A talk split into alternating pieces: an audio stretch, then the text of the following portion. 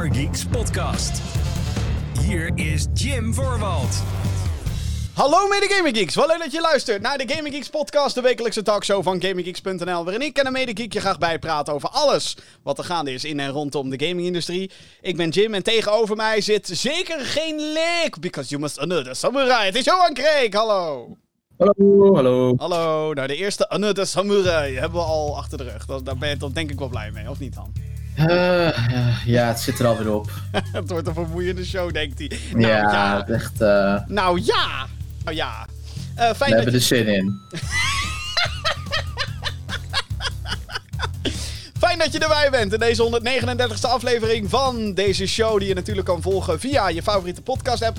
Google Podcast, Apple Podcast of Spotify. Mocht je dat nog niet doen, volg dan deze audioshow op een audio manier via die audio podcasting apps. Kan je daar een recensie achterlaten als je al, geabonneerd bent? Doe dat dan graag, want uh, hoe meer zielen, hoe meer recensies, hoe meer vreugd. Ja, eigenlijk is het zo dat we dan hoger in de ranglijst komen, waardoor we meer zielen en meer vreugd hebben. Dat is een beetje de bedoeling. Een videoversie van deze show die is natuurlijk ook te vinden op youtube.com slash gamergeeksnl, waar wij dit op streamen, net zoals op twitch.tv slash gamergeekslive. Heb ik nog meer linkjes? Jawel, gamergeeks.nl. Dat is lekker makkelijk, alles op één plek daar. Laten Rip Mixer. Ja, Rip Mixer. Oh. Ja, dat is deze week is dat. Pleiten, hè? Op moment ja, is dat deze week? Ja, op het moment van opnemen. Uh, datum van opname is 20 juli 2020. Op de 22e gaat alles offline. Of naar, ja, ze zeggen dan naar Facebook Gaming. Maar ik denk niet dat heel veel mensen dat gaan doen. Uh, ja, we gaan het zien. We gaan het zien. Nou ja, het, het, het, ironische eigenlijk is, is dat sinds die aankondiging dat de streamingplatform Mixer stopt... Um, heb ik heel veel... Heb ik af en toe dus inderdaad nog op die frontpage gekeken. En dan zie je gewoon allemaal streams We are going to twitch.tv slash en dan de username. Dat is echt heel, heel, heel erg eigenlijk. Heel pijnlijk. Heel pijnlijk. Nou, dat zegt A iets over nou, hoe hard Mixer eigenlijk gefaald is. En ja. B over uh, dat mensen ook niet echt zin hebben in Facebook Gaming. Maar dat komt waarschijnlijk gewoon door human nature. Dat ze zeggen, oh we gaan alles wel overhemelen voor je naar Facebook Gaming. Dat mensen dan zeggen, ja wacht even, maar dat wil nou ik maar. niet. dan ga ik wel weer uh, naar Twitch of zo. En over Twitch gesproken, we hebben daar nieuws over later in deze show. Maar verder Johan, hoe gaat het? Uh, ja, wel goed eigenlijk. Ja, wel heel druk, maar uh, gaat goed. Hoort erbij ja. hè, denk ik. Ja. Hoe gaat het met jou? Ja, prima. Ja, het is... Ik weet niet, het is, ik vind het zo'n gekke... De, voor iedereen is het gek. Want hè... Uh, de, de hele situatie. De virus. De virus. Maar uh, ja, nee. Weet je wat het is? Het is nu... Nu die grote games zeg maar uit zijn... Waar we het zo ongetwijfeld over gaan hebben over een hele grote game... Ja. Heb ik nu wel echt zoiets van... Oké okay, jongens... Kom maar door met dat najaar. Kom maar. Ik, PS5. PS5. Next gen shit. Gewoon, ik, ik heb er zin in, zeg maar. Ik heb echt zin. Ik wil gewoon dat er nieuwe. Dat er nieuwe info komt. Ik wil gewoon iets nieuw. Weet je wel? Ik ben altijd nieuwsgierig, letterlijk. Maar gewoon. He, maar ik vind gewoon. Weet je wel? Ik, ik heb een beetje die drang. En tuurlijk, die Ja. drang. Op zich is het goed dat, dat dat nu een beetje afgeremd wordt. Omdat we nou eenmaal in de zomerperiode zitten. En dan komen er altijd minder games uit dan hè, in het najaar. Want het najaar is gewoon. Dan kan je door de games de consoles niet meer zien, bij wijze van. Mhm. Of je PC niet meer zien, of whatever. Ehm, dus dus het, dat, dat gaat ook weer gekker werk worden. Alhoewel ik wel het idee heb dat dat dit jaar even min dan dat we nieuwe consoles krijgen. Ik denk dat het verder qua najaarstitels op zich wel gaat meevallen. En het leuke is, vind ik, ik weet niet of jij hetzelfde gevoel hebt, maar voor het eerst sinds jaren heb ik echt super veel zin in de meest onbenullige games. Gewoon, ik heb fucking veel zin in Crash Bandicoot 4. Waarom? Ah, het is Crash Bandicoot. Het is gewoon weer zo'n ouderwets. Oh shit, er komt een nieuwe Crash Bandicoot. Wat? En wat? Tony Hawk? Let's fucking go, Activision. Take all my fucking money. I don't care. En dan hebben we daarna krijgen we de serieuze shit. Want dan moet iedereen. Oh, wat vinden wij van Cyberpunk? Weet je wel, dat krijg je dan ook weer. Dan gaan alle critics weer tegen de users. En die gaan er weer tegen elkaar klappen. Pa, pa, pa, pa, pa. Maar ik, ik heb er zin in. Weet je wel, ik, ik las ook net dat Spider-Man Miles Morales 4K 60 FPS op PlayStation 5. Let's fucking go! De hype, Go, is, go, go, go. de hype is real bij mij. Behalve als het gaat om Nintendo. Zullen we dat even nu, zo aan het begin van deze show... Ja, la- laten we het maar even doen met je rode trui. Ja, op moment... mooie trui, hè? Echt prachtig. Hele mooie trui. Het is alleen voor de videoversie is dat leuk. Uh, maar, ehm, Nee, vandaag, uh, de dag van opname, 20 juli dus, was er een Nintendo Direct. Een Nintendo Direct Mini Partner Showcase. Werd ook vandaag aangekondigd dat ik denk... Oké, de pre-hype is ook gone bij Nintendo. Volgens mij heb ik het al vaker in deze show gezegd. Nintendo is compleet de weg kwijt. Corona heeft het hele marketingteam van Nintendo platgelegd. Dat lijkt me inmiddels vrij duidelijk. Maar goed, want wat de fuck zijn ze aan het doen? Paper Mario wordt door middel van een tweetje wordt dat aangekondigd. Hey. En dan komen ze ineens uit het niets met een nieuwe Nintendo Direct. Waarin echt niks is aangekondigd. Althans, niks wat mij boeide persoonlijk. Maar het was echt gewoon. Oké, er komt DLC voor Cadence of Hyrule. Wat op zich leuk is. Dat Leuk. En een fysieke versie. En een fysieke Wat versie. op zich ook leuk is. Het is ze op- gegund. Ja, dat is leuk. Ja, dat is leuk. Wat kwam er daarna? Een trailer voor die WWE eh cartoony game. Battlegrounds. Oké, ja, eh, het ziet er niet heel goed uit op Switch, weten we ook meteen. Maar ehm, oké, whatever. Wist wel dat die game bestond. Er werden geen nieuwe features aangekondigd of wat dan ook. Want dat je met z'n vieren tegelijkertijd kon spelen, daar gingen we eigenlijk al gewoon met z'n allen van uit. Eh, het is een worstelgame. en wat hadden ze nog meer? Shin Megami Tensei 3 en Shin Megami Tensei 5. Ja, Oh, en, en, De- en, een, de reeks is terug. en een nieuwe hero voor Rogue Company. Als je denkt, wat? Ja. Rogue Company. Kennelijk, een nieuw Ja. character. Eh, en dat was het. Goed. Ja, nou, het was episch. Het was echt dat ik dacht, wat de fuck is de marketing? Eh, eh, Wat ik al zei, volgens mij zijn ze allemaal ziek. Zijn ze allemaal... Oké, ik moet daar misschien geen grapjes over maken, maar... Laat ik het zo zeggen, ik heb... Wat is Nintendo aan het doen? Gewoon, wat zijn... De enige twee grote games die ze dit jaar hebben uitgebracht... zijn Animal Crossing... en Paper Mario. En dat is ook het enige wat we weten wat naar de Switch komt vanuit de Nintendo's kant. We weten dat Apex naar Switch komt. We weten dat Weet je wel, Apex Legends dan. En we weten dat er nog een paar, ook wel een paar andere third parties. Ik had dus verwacht dat in deze partner showcase, dat Doom Eternal wel. Hè, hier is een datum, hier zijn de eerste beelden. Nee, zelfs dat niet. Wat de fuck is Nintendo aan het doen? Maar, wat, wat, wat- maar het, ja, ik bedoel, het, het waren ook wel... Ik snap dat Atlas groot is, vooral in Japan. Maar Ja. het waren voor ons ook wel wat meer de wat minder belangrijke partners of zo. Het waren niet de, de Activisions, de, de, de Ja. Take-Two's, de EA's. Dat, dat was allemaal niet aan de hand. Heel gek. Heel Dus raar. wat is dan een partner? Nou ja, dat weten we dan nu. Ja, eh... Dus er wordt een onderscheid gemaakt tussen partner, indie en third party, I guess, dan? Ja. Zo? En Nintendo zelf. Het is één... Ja, nou, ja, ik snap er geen kut van in ieder geval. Nee, nou ja, goed. Eh, laten we dus snel doorgaan naar... De playlist. Oh. Afgelopen week is er eh, één grote game uitgekomen. Paper Mario, die Origami King. Ja, Ook, is ook uitgekomen. Ik weet niet, heb jij daar interesse in om die game te spelen of niet, Johan? jawel, alleen momenteel niet, of zo. Nee, want we zijn een beetje bezig met een andere game. Ja, maar hij stond ook, hij, is- hij, hij is ook te laat op de radar verschenen, weet je wel. En die andere game, die stond natuurlijk al een hele lange tijd op de radar. Ja, dat is waar.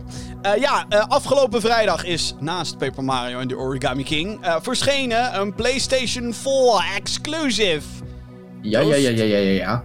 Ghost of Tsushima. Gemaakt door Sucker Punch, de studio die je het beste kan kennen van Infamous, de Infamous trilogie.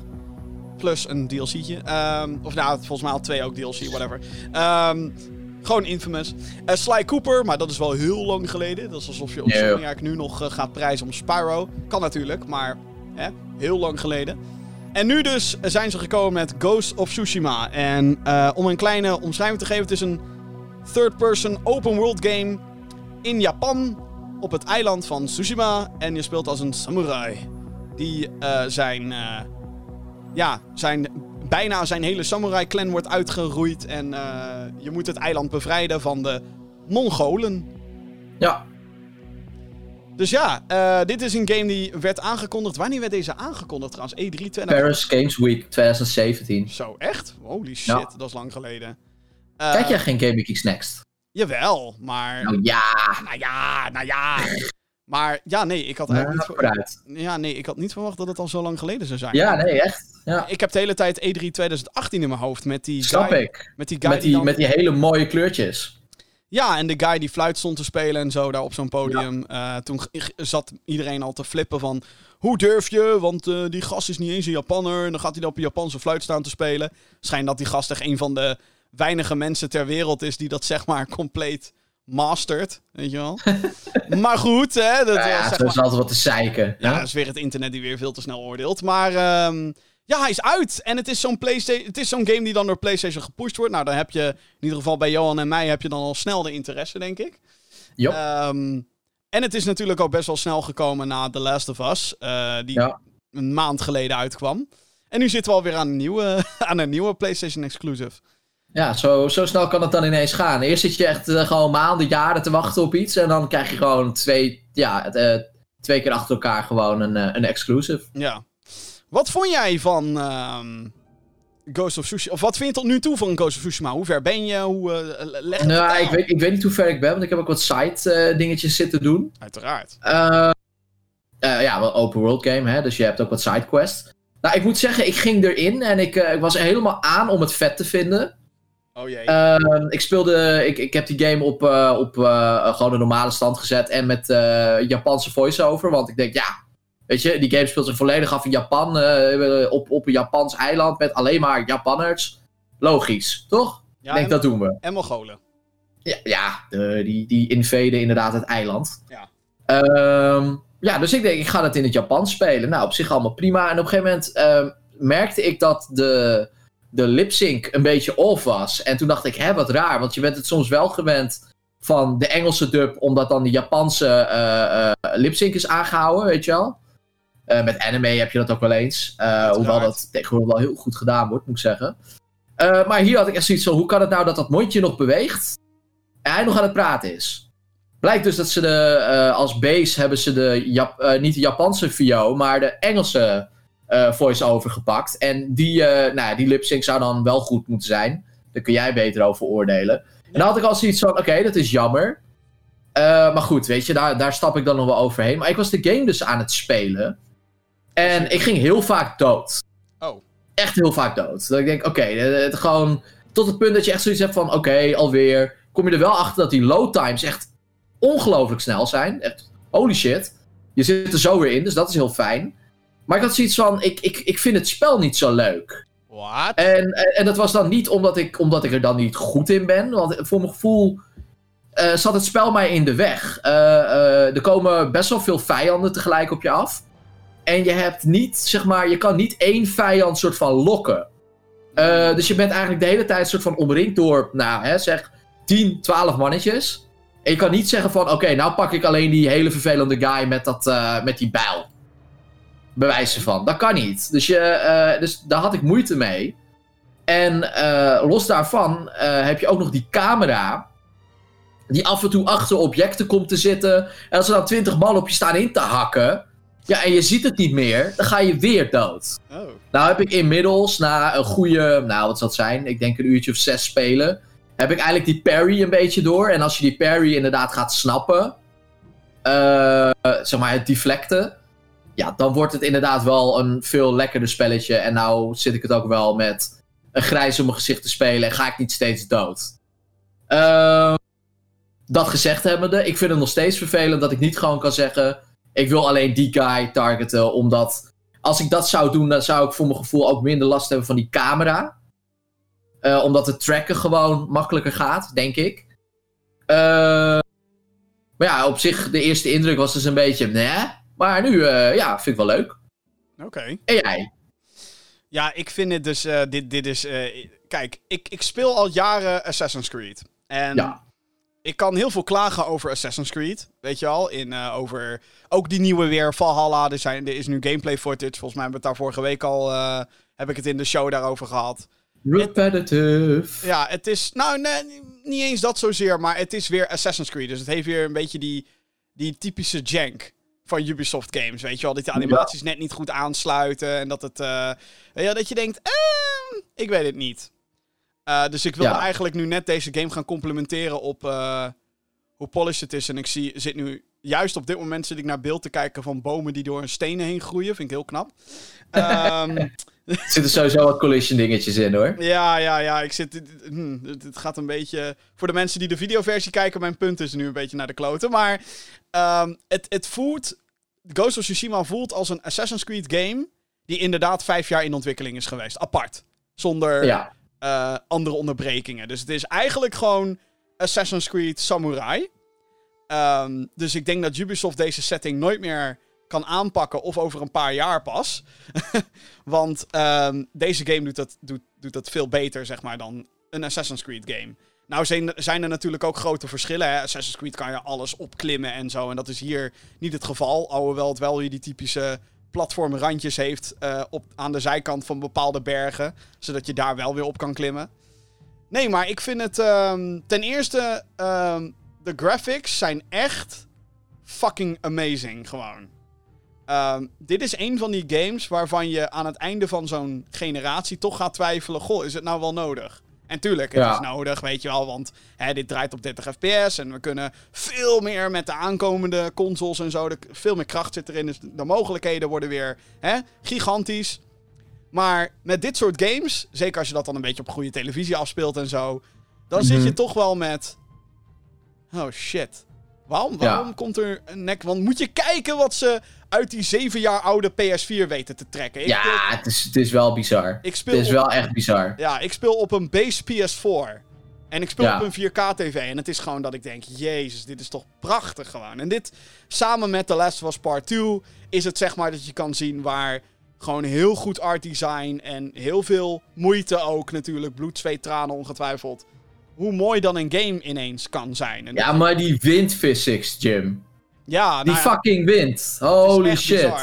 Um, wat ik trouwens ook heel tof vind, de manier hoe deze game de wereld van Tsushima, het ancient Japan, ik bedoel, het is mm -hmm. aan de ene kant buigt het een beetje naar heel erg stereotypisch, maar het is zo mooi allemaal. Dus inderdaad, je kan de, um, de weg laten wijzen door de wind. Um, ja. En ja, dat doe je dan door op je touchscreen. Dat ik ook denk, hé, hey, de, touchscreen wordt weer eens gebruikt. Dat is leuk. Ja, uh, ja, grappig is dat, hè? Als dan een first party ermee aan de slag gaat, dat je dan toch weer de touchscreen uh, gaat gebruiken. Ja, um, maar dan wel op een, een hele uh, soepele manier. Dat je, oh, ik wil ja, weten waar. Ik, ik, wil weten waar ik heen moet. Dan doe je even met je, in mijn geval doe ik dat, dat dan met mijn duim, omdat die zeg maar het handigste zit. Met mijn duim mm -hmm. even over dat scherm van onder naar, beneden, van onder naar boven.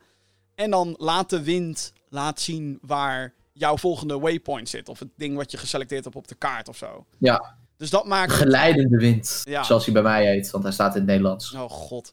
Uh, dat maakt het heel erg... Um, ja, de sfeer blijft er eigenlijk de hele tijd in zitten. En het is zo'n toffe sfeer. Kijk, we hebben Ja, die al... hele ambiance is gewoon vet. En het is ook een setting die we niet... Die we nog niet hebben gehad, weet je wel. Dus het is... Kijk, je kan natuurlijk wel kijken naar bijvoorbeeld een, een, een Sekiro of een, of een, of een, of een Nio. Hè, wat natuurlijk ook samurai is in die zin. Of een ninja, weet je wel. Uh, toch ook dat oude Japan.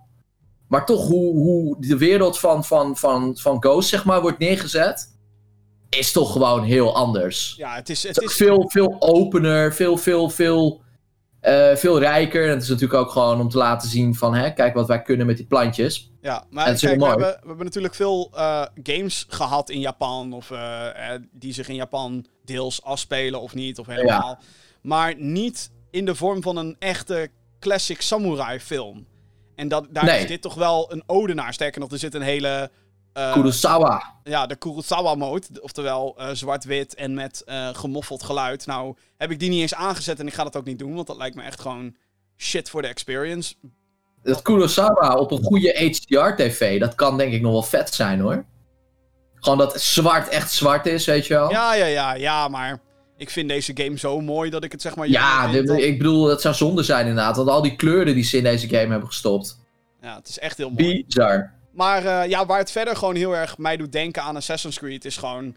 Hè, er zijn inderdaad allerlei dingetjes op de map te doen. Je kan of stealthy gaan, of je kan gewoon YOLO.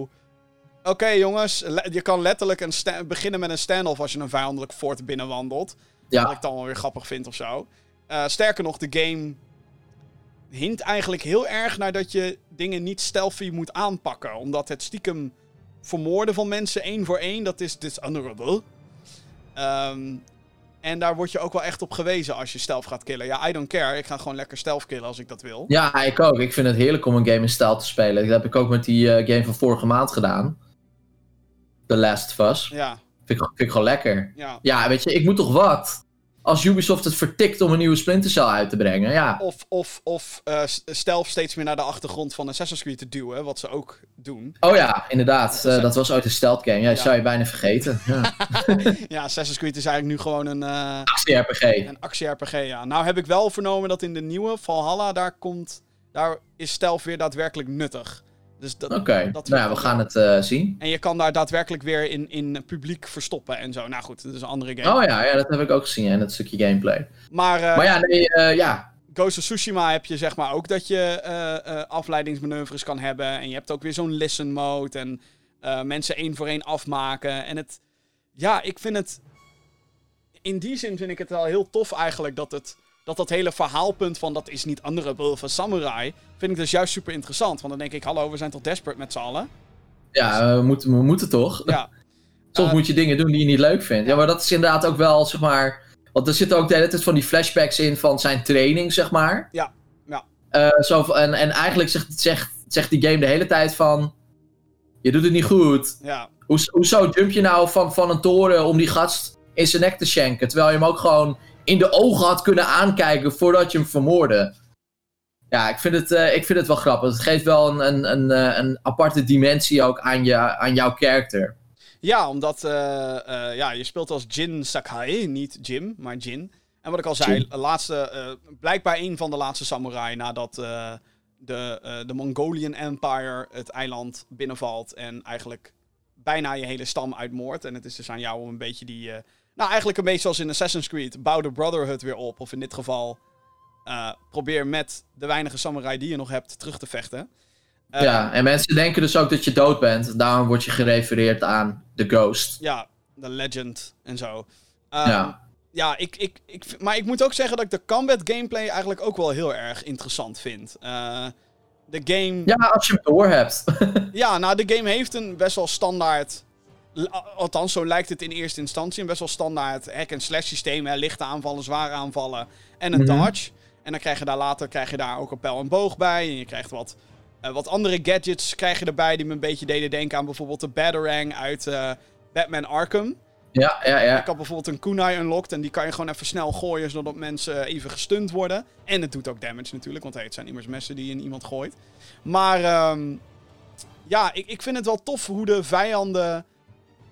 Aan de ene kant hoe, hoe stereotype het allemaal is. Hè? Je hebt standaard vijanden, je hebt vijanden met speren. En die kan je niet zomaar parryen, want eh, die moet je ontwijken. En dan heb je gasten met schilden. En, en je hebt ook bepaalde zwaardstanden, soort Ja, stances. ja, ja. En die unlock je gedurende de game. Ik heb nu één nieuwe unlocked.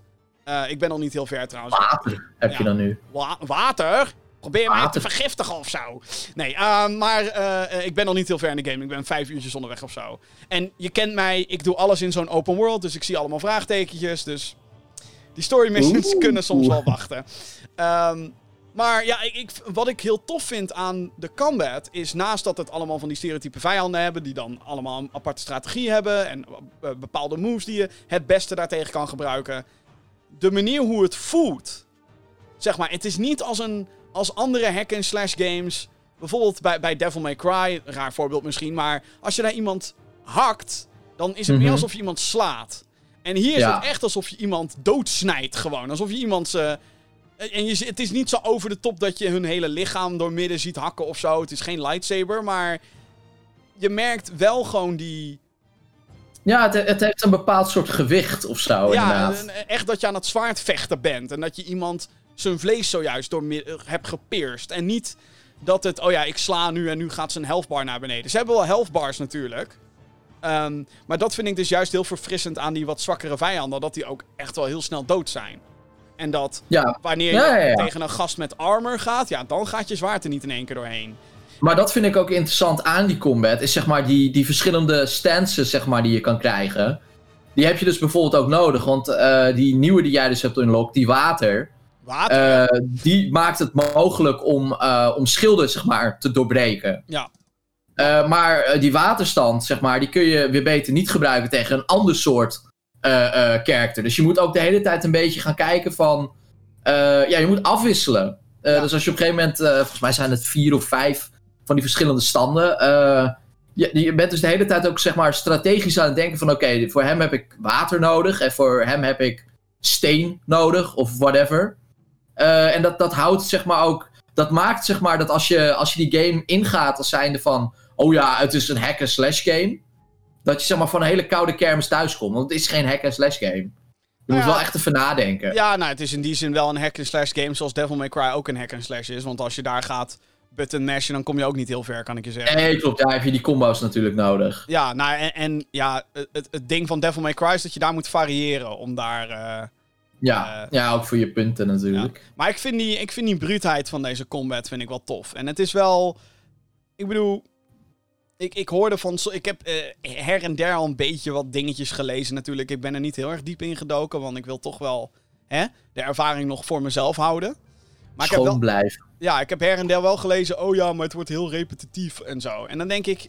Oh, net als Assassin's Creed. Ja, nou, nou precies. Maar dan denk ik... Ja, weet je... eh, Duh. het ligt eraan hoeveel je gaat doen. Maar Ja. op dit moment heb ik zoiets van, ja, weet je, ik unlock lekker dingetjes. Ik ben allerlei zijmissies aan het doen. En ja, ik vind het wel, ik vind het wel echt heel erg vet hoor. Maar dat komt ook gewoon natuurlijk door hoe het eruit ziet en het verhaal erachter. En ehm, ja, het, het is gewoon heel verfrissend om een, om een Amerikaanse studio, zeg maar, zo'n product wat Japan, eh, of trouw lijkt aan Japan. Ik, ik ben er zelf nooit geweest. Door dit soort games wil je daar natuurlijk ineens heel graag heen ook.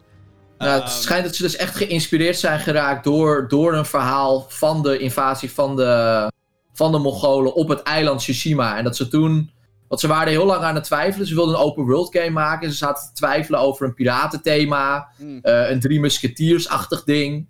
En toen, eh, toen schijnt het dat ze dit verhaal ergens tegenkwamen, waarschijnlijk tijdens research.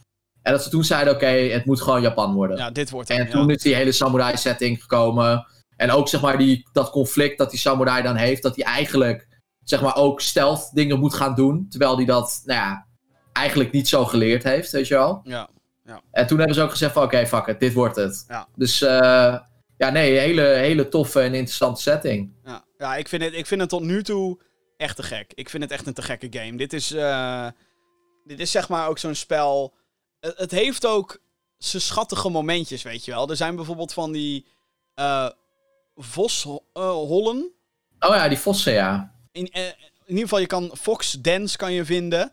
En die, dan komt daar een vosje uit. En die kan je dan volgen voor een, een shrine waar je dan zeg maar even moet bidden. En dan kan je daar weer eh, eh, iets mee unlocken. En ja, dat klinkt als een, een, een domme mechanic, maar daardoor... Nee, is niet dom. Je kan die, vo kan die vos aaien, je man. kan die vos aaien, verdomme. En ten Holy tweede, shit. het is eigenlijk gewoon een excuus en een aanleiding om meer van die wereld te zien. Wat trouwens de meeste side objectives zijn. Gewoon alleen maar spring door deze wereld heen. Ja, Ehm, volg deze vogel. Ja, want het is echt prachtig. Ik vind het, ik vind het echt een van de... Ik denk dat dit wel by far een van de mooiste games op PS4 is.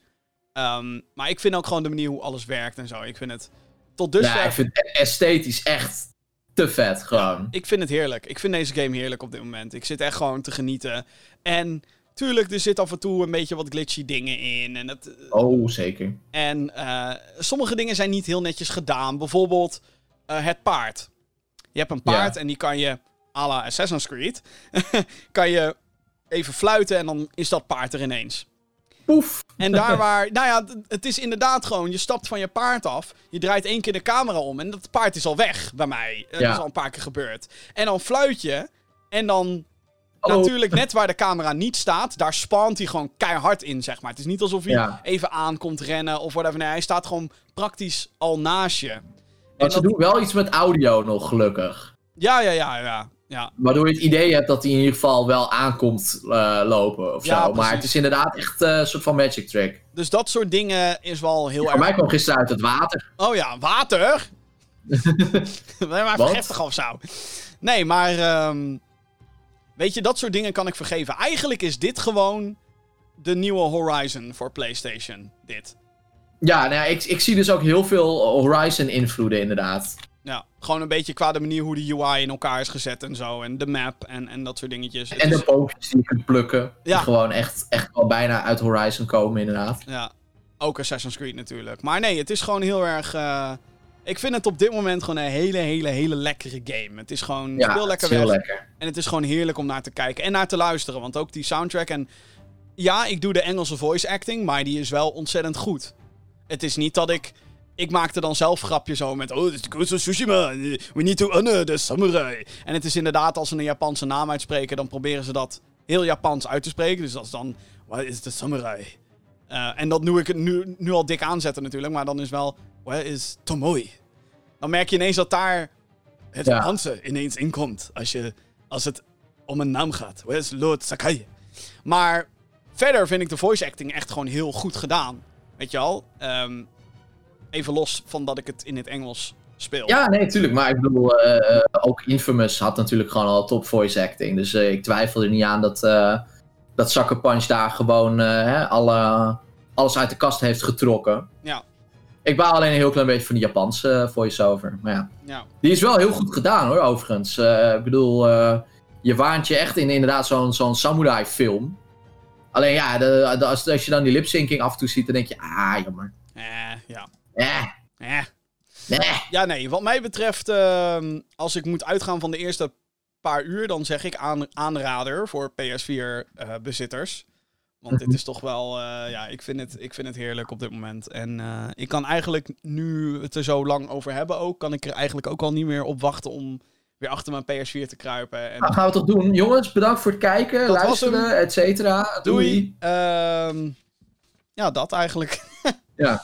Nou. Nee, erg lekker spelletje. Heel erg fijn. Eh, ik denk dat we het er nog wel vaak over gaan hebben. En wellicht een spoiler. Hebben we ook voor de Last was Part 2 gedaan? Ik weet niet of... Er zijn twee eindes, schijnt. Ja, dus dat vind ik heel interessant. Om dat te checken. Nou goed, Maar spoiler ik ga eerst even lekker die hele wereld verkennen. Ja, ik ga ook lekker spelen. Maar goed, ehm, we hebben nog een podcast om te doen. Zometeen in de Gamer Geeks podcast. Het einde van Stadia is nabij. en de oorzaak, daar gaan we het zo over hebben. ik heb er veel te veel plezier mee om Google Stadia af te zeiken, het spijt me. En gaat de nieuwe Simp-titel Gamer Girl te ver? Zometeen een discussie, of niet, tussen Johan en mij. Misschien zijn we het wel hartstikke met elkaar eens. En natuurlijk gaan we de mailbox ook openen. Jouw vragen, die worden zometeen beantwoord. Heb jij een vraag voor deze podcast? Dan zou ik zeggen mail naar podcast.gamergeeks.nl. U hoorde het goed. Mail at podcast at, mail. Podcast at gamergeeks.nl. Zei ik nou net ook weer mail? Ja. Sorry. Weet je wat? Fuck it. Ik laat het iemand anders even zeggen. Heb jij een vraag voor de show? Mail naar podcast.gamergeeks.nl Nou, was dat nou zo moeilijk? Dat was heel moeilijk, ja. Het spijt me. Nieuws. Ik moet meteen aan het eh, filmpje denken. Kip, het meest veelzijdige stukje Oh vlees. ja, kip. van, eh, van draadstaal was dat, geloof ik. Eh, Ron ja, een nieuw dier, maar dezelfde gasten. Oh ja, ja, oh ja. Ik heb het meest veelzijdige stukje... Hep, hep, hep. Het meest veelzijdige stukje kip. Hep. Anyway. Ehm, we gaan het over dood gaan hebben. Oeps. Oeh, lekker leuk. Ja, eerste nieuwtje van deze week.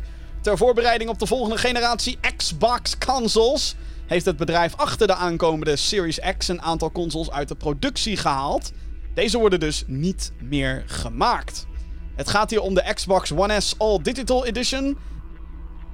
Sorry, Xbox One S All Digital Edition. Zei ik dat? Geen idee, het is allemaal te verwarrend, jongens. Xbox One S All Digital Edition en de Xbox One X.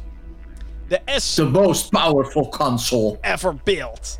De Oh, S, eh. de S All Digital Edition, afgekort naar SAT, is in, in, in principe hetzelfde als de Xbox One S, maar dan zonder disk drive.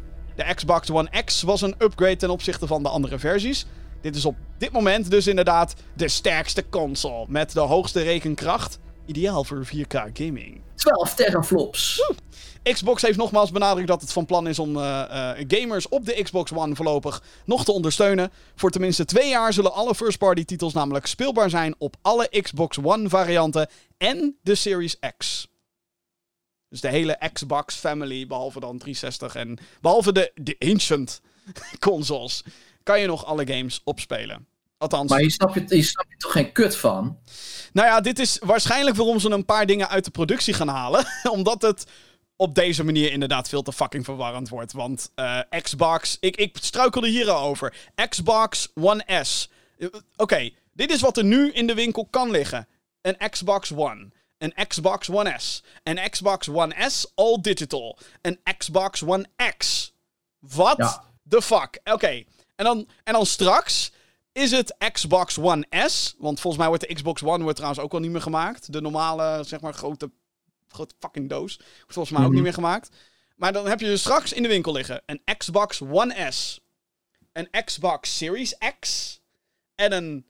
Wat, eh, het gerucht gaat overal dat er dus nog, nog een Xbox console komt. Een goedkopere variant. En die gaat... Nou, die gaat naar verluid de Series S heten. Oh ja. Althans, dat is de rumor. Of dat waar is, weten we niet. Maar Klinkt op zich logisch. ja, Xbox Series Maar. Xbox volgt nooit logische naamconventies, dus het zal niet waar zijn. Dat is waar, ja. Het zal niet waar zijn.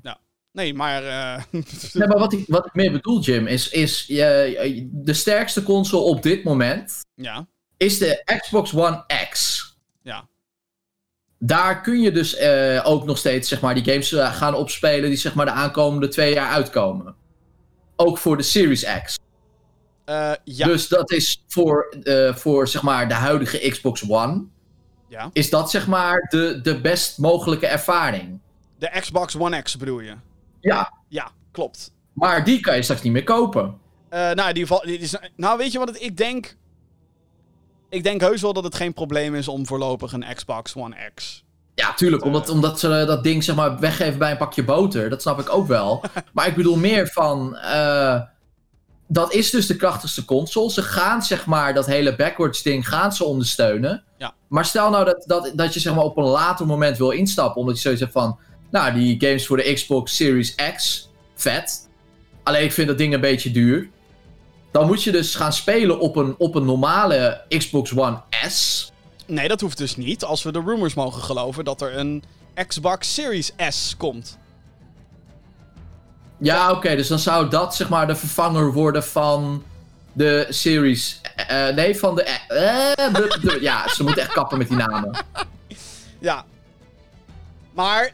Oké, maar dan, dan zou. Dan, Oké, ja, maar dan wordt inderdaad pricing vooral interessant. de prijs gaat heel interessant worden hoe dat gaat werken. Want de Xbox One X is nu 400 euro nog steeds, geloof ik. Ja. En dan krijg je er meestal een game bij en nog een eh, controller en dat soort En de S, S is 180 of zo. Ja. Dus ik. Oké, nou, Ook met een game en een controller. ik denk dat de Xbox One S dan dit najaar voor 100 euro in de winkel ligt. Ik denk dat ze zo'n prijsverlaging gaan doen. Van hey guys, dit, Ja, is de, dat denk ik ook. dit is de base. Dit is gewoon onze nieuwe basis. Dat is zeg maar het begin, de Xbox One S. En daar hè, kan je Halo Infinite op spelen. Daar kan je alles op spelen. Hoe goed dat allemaal gaat draaien, dat moeten we allemaal nog maar zien. Want ik ben En zelf dat bedoel ik dus eigenlijk. ik ben zelf van mening dat eh, Microsoft een fout maakt door te zeggen: hey, alle first-party games zijn nog speelbaar op Xbox One. Want, Ga je toch een dikke downgrade spelen? Of ben ik dan gek? Nou ja, ik denk dat Sony eh, daardoor zoiets heeft van. Lekker! Wij komen met onze fucking echte next-gen shit, zeg maar. Hoppakee, bam. Ja, PS5 games zijn voor PS5, zoals ze hebben gezegd. Nou, Ja. prima. nou is Koop ik een PS5?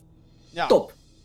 Ehm, en het is, het, ik denk dat, dat we vooral benieuwd moeten zijn, goh, is überhaupt naar de prijzen van deze apparaten. Want hoe duur gaat de Xbox Series X zijn? Gaat die echt 500 zijn? Want als dat ding 500 is, dan heb je best wel wat ruimte om daar dingen in te downgraden tussen aanhalingstekens voor de Series S. Dus dat, Mhm. dan kan dat 300 worden of zo. En dan heb je best wel een groot prijsverschil tussen Xbox One S is dan 100, dan is de Series S is 300 en wil je 4K, de, de, de premium experience. 120 frames per seconde. Ja, dan moet je voor de 500 euro gaan. Even ervan uitgaande dat het 500 euro wordt. Ik heb geen idee. Ja. Nee, precies. Maar dan heb je inderdaad gewoon drie tiers, zeg maar. Ja, ik denk dat ze het op die manier willen spelen. Ik denk dat ze gewoon... eh, zij willen de consument de keuze geven. Ja, en eh, to- eh, ik snap dat. Eh, maar dan is, ja, nou ja, dan moet de prijs moet het echt gaan bepalen. Ja. Want ik, ik, ik zou, de- zeg maar, en als je ook kijkt naar welke consument koopt een Xbox, dat zijn, dat zijn wel hardcore gamers, zeg maar. Of ouders die denken van, oh ja, mijn zoontje wil Fortnite spelen, dit is de goedkoopste console. Uh, hartstikke idee. Nou, daarom Eh, denk ik... Maar over het algemeen zijn het hardcore gamers. En daarom zou ik denken dat als jij, eh, weet ik veel wat, de nieuwste Gears of War kan spelen op eh, de Xbox Series X, dus de nieuwste, maar ook op een S, ja, dan ga je niet voor een S. Maar dan moet die middenmaat, zeg maar, ook weer net niet te duur zijn. Dus het wordt heel Nou, ik denk, Ja, dat is wel heel fragiel dit. ik denk dat het te maken heeft met... eh, ik denk dat wij minder in dit geval moeten kijken naar hoe wij erin staan. Hè, Gamer Geeks. Want wij hebben zoiets van... PS5, day one, let's fucking go, weet je wel? Ja, nou ja, als er goede Xbox games uitkomen, koop ik ook een Xbox. Nou, voor mij dus niet, want ik ga voor een nieuwe PC. Dus dan is voor mij is dat al. Alles komt naar PC. I don't care, weet je wel. Ik ga lekker op PC spelen. Ehm, en dat vindt Xbox kennelijk gewoon oké. En ik ook. Dus, eh, eh, beide partijen blij. Maar eh, ik denk dat we, ju- dat we juist moeten kijken naar inderdaad. Oké, kind wil Fortnite. Als je dat voor elkaar kan krijgen voor een apparaatje van 100 euro. Ja, dat klinkt dan ineens fucking interessant. Sterker nog, even flashback. Naar ehm, mijn, Oh, tien, no, mijn tienerjaren. I, did, I just did that. anyway, God. ehm, ik weet nou nog heel goed dat ik wilde een Gamecube. En ik weet nog dat Nintendo toen een of andere gekke prijsactie had. Gamecube voor 100 euro. En dan kreeg je dan Double Dash bij met die Zelda Collector's Disc. Oh, yo! Dat weet ik nog wel. En toen zei ik, ma, mama, dat is wel ik, wat ik wil voor mijn verjaardag. Bam. En ja hoor, de buit was binnen. Want, no shit, 100 euro voor een console met een game erbij? Wat? Dat klinkt als een fucking goede deal. Twee Dus- games. Eh, oh ja, in dit geval twee games. Ja, meerdere games zelfs. Want eh, dat, die Holy fuck. Zelda bonus disc had Ocarina of Ja, Time. natuurlijk. Ja, die zitten er eh, natuurlijk ook nog bij. 1 en 2. Maar goed, ehm, al was het alleen maar Mario Kart geweest, was het ook een fucking goede deal. Beste Mario Ja. Kart ooit ook overigens, voor de Gamecube. Maar ik denk dat ze een beetje dat soort effect, effecten willen ze hebben. Ze willen gewoon een beetje zoals hoe computers werken eigenlijk, of televisies. Van, wat wil je eigenlijk? Wil je dit? Wil je de goedkoopste optie? Xbox One S. Ja. Heb je nog steeds een 1080p televisie en ben je de aankomende twee jaar nog steeds niet van plan om die te upgraden naar 4K? Hier is de Xbox Series X of 1440p. Weet je als die, als die high-end shit je niet boeit, hier is de middenmoot. De 300 euro Xbox. Ja. Ben, je een, hè, ben je iemand zoals jij en ik? Wij willen voor premium, wij willen de hoogste frames, wij willen hè, de, de, de motherfucker badass experience. Ga voor Series X. Dat is een paradepaardje natuurlijk. Want hé, hey, ze willen toch nog steeds bekend staan als the most powerful console ever built. Al dus Bla bla bla. Ehm, dus ik denk dat in die zin is het wel heel slim om een optie te houden. Omdat je daarmee in het achterhoofd houdt. Xbox, daarmee kan je alle kanten op. En Ja. in die zin snap ik dus ook wel dat ze games voorlopig nog backwards compatible laten zijn. Alleen, Tuurlijk, dat kan iedereen meedoen. ja, wat we alleen net al zeiden. Je beperkt daarmee wel heel erg ineens wat je kan doen. En tuurlijk, er kunnen nog steeds mooie games gemaakt worden op die oude hardware. Zie Ghost of Tsushima, zie The Last of Us Part 2. Holy shit, eh, zie Ori and the Will of the Wisps of Gears Ja, 5. wat Gears. Ja, ook echt prachtige games zijn. Ehm, Dus het kan nog wel, maar ja, weet je, we, kijken, we willen graag vooruit kijken. We willen graag naar de toekomst kijken. Maar ik vind het wel heel interessant dat ze eigenlijk meteen nu hebben gezegd: oké, die all digital, dat werkte toch niet. Fuck dat ding, weg ermee. Maar ik vind dat ze dan de Xbox One X inderdaad wegdoen, is wel dat ik denk: huh, oké. Ja, dan moet, je, dan moet er inderdaad wel iets komen wat dat zeg maar eh, kan vervangen. En ook in prijs. En ja, dan, ja, dat gaan we dus zien. Stel dat de Xbox Series X 400 euro wordt, dan heb je daar meteen je vervanger natuurlijk. Stel dat. Dus ja. Ja, Overigens, Ah, nee. ehm, op het moment van opnemen is de grote Xbox-presentatie nog niet geweest. Die gaat op donderdag 23 juli plaatsvinden. gek huis. Ehm, heb jij nog verwachtingen daar, Johan, van die presentatie? Nou, niet, niet specifieke games of wat dan ook. Eh, maar ja, ze hebben natuurlijk wel eh, zeg maar een, een hele sloot aan studio's gekocht. Eh, twee jaar geleden. Eh, ja, een ehm, aantal jaren inderdaad al, ja. Ja, en nou die zijn allemaal bezig met het maken van content. Ja. En ik zou zeggen, ja, dazzle me, weet je. Laat zien wat je daar hebt. Ik ben ook heel benieuwd naar, naar nieuwe beelden van Hellblade, Hellblade 2. Eh, omdat dat zo'n game is die dan draait op Unreal Engine 5. En nou ja, de eerste beelden die we al hebben gezien, die waren al best wel insane. Ik eh, moet trouwens mijn excuses aanbieden voor eventueel geluid van een boormachine. Ja, ik hoorde, ik hoorde het al. Ik dacht van, is er een telefoon? Want mijn buren die denken, nou het is half tien. Laten we even een schilderijtje ophangen. Hè? Op maandag. Nou. Echt niet goed bij je hoofd. Maar goed. Ehm, ja, nee, dus eh, niet, niet hele specifieke verwachtingen. Ik hoop ook vooral dat ze dat ze iets gaan doen met, met het IP dat ze hebben liggen. Banjo, Conker, Perfect Dark, et cetera, et cetera, et cetera. Exact, exact. Ik bedoel, er, er ligt daar nog best wel wat oud, ja, nou ja, eigenlijk oud rare meuk. eh, gewoon, ja, te verstoffen. Ehm, ja, dat zijn wel gewoon franchises waarvan mensen, zeg maar, een nieuwe installment zouden willen zien. Dus, Ja. kom op, Ik, eh, ik, hoop, je, doe het. ik hoop dat Halo Infinite echt wel heel vet wordt of zo. Ik ja, ben nu, nee, die eh, gaan ze natuurlijk sowieso laten zien. Ik ben nu, ja, hebben ze al bevestigd en zo. Ehm, ik ben nu eh, begonnen aan Halo. Halo Reach heb ik nu uitgespeeld. Van de, de saga. Master Chief Collection. Ja, de Master Chief Collection. Ik wil eh, eigenlijk kijken of ik in ieder geval... Kijk, multiplayer, dat is weer even een heel ander verhaal. Maar de campaigns van Ja. alle mainline Halo's, dat lijkt me wel heel tof. eh, om er doorheen te spelen. En misschien dan ook te begrijpen waarom iedereen 13 jaar geleden helemaal kapot losging om, om Halo. Zeg maar de grootste media-hype, grootste game releases die ik ooit heb meegemaakt. Iedereen had het over Halo 2 en iedereen had het over Halo 3. Hashtag finish the fight. What the fuck, overal gewoon. Waarschijnlijk nog zonder hashtag, maar wel in elke reclamespot. Overal. Ja. Elk fucking forum, finish the fight. Ehm, en ik weet niet eens waar het over gaat. Ja, ik weet dat Halo 2 eindigt op een cliffhanger. En dan finish the fight deel 3. dat. Maar ehm, ja, daar, daar ben ik heel erg benieuwd naar. Want ik Ja. weet wel, o- ik weet ook dat Halo een beetje hè, schade heeft gekregen. Eh, Halo 5 was kennelijk niet zo heel goed of zo. Ehm, het is niet meer de glorie van toen. En aan de ene kant lijkt het me gewoon heel erg tof als dat het wel weer kan hebben, die glorie, zeg maar. Het is misschien een beetje gewoon dat ik denk, ik wil ook mee kunnen doen met de Halo-hype, jongens. Ik ben er ook. Weet je? Ja, Ik weet niet ik, heb, ik heb zelf niet zo heel veel met, zeg maar, de, de gevestigde franchises van Xbox. Dus, hè, Forza, nee. Gears, nee. Halo, nee. Weet je, ik heb daar allemaal niet zo heel veel mee. Dus ik wil, ik wil iets zien. Eh, en dat lieten ze toen zien met Sea of Thieves. Alleen die kwam toen vier jaar later. Eh, ik wil iets zien waarvan ik denk van... Oh ja, fuck. Weet je, dat wil ik spelen. En, en eh, Xbox heeft dat al echt al heel veel jaren niet laten zien aan mij.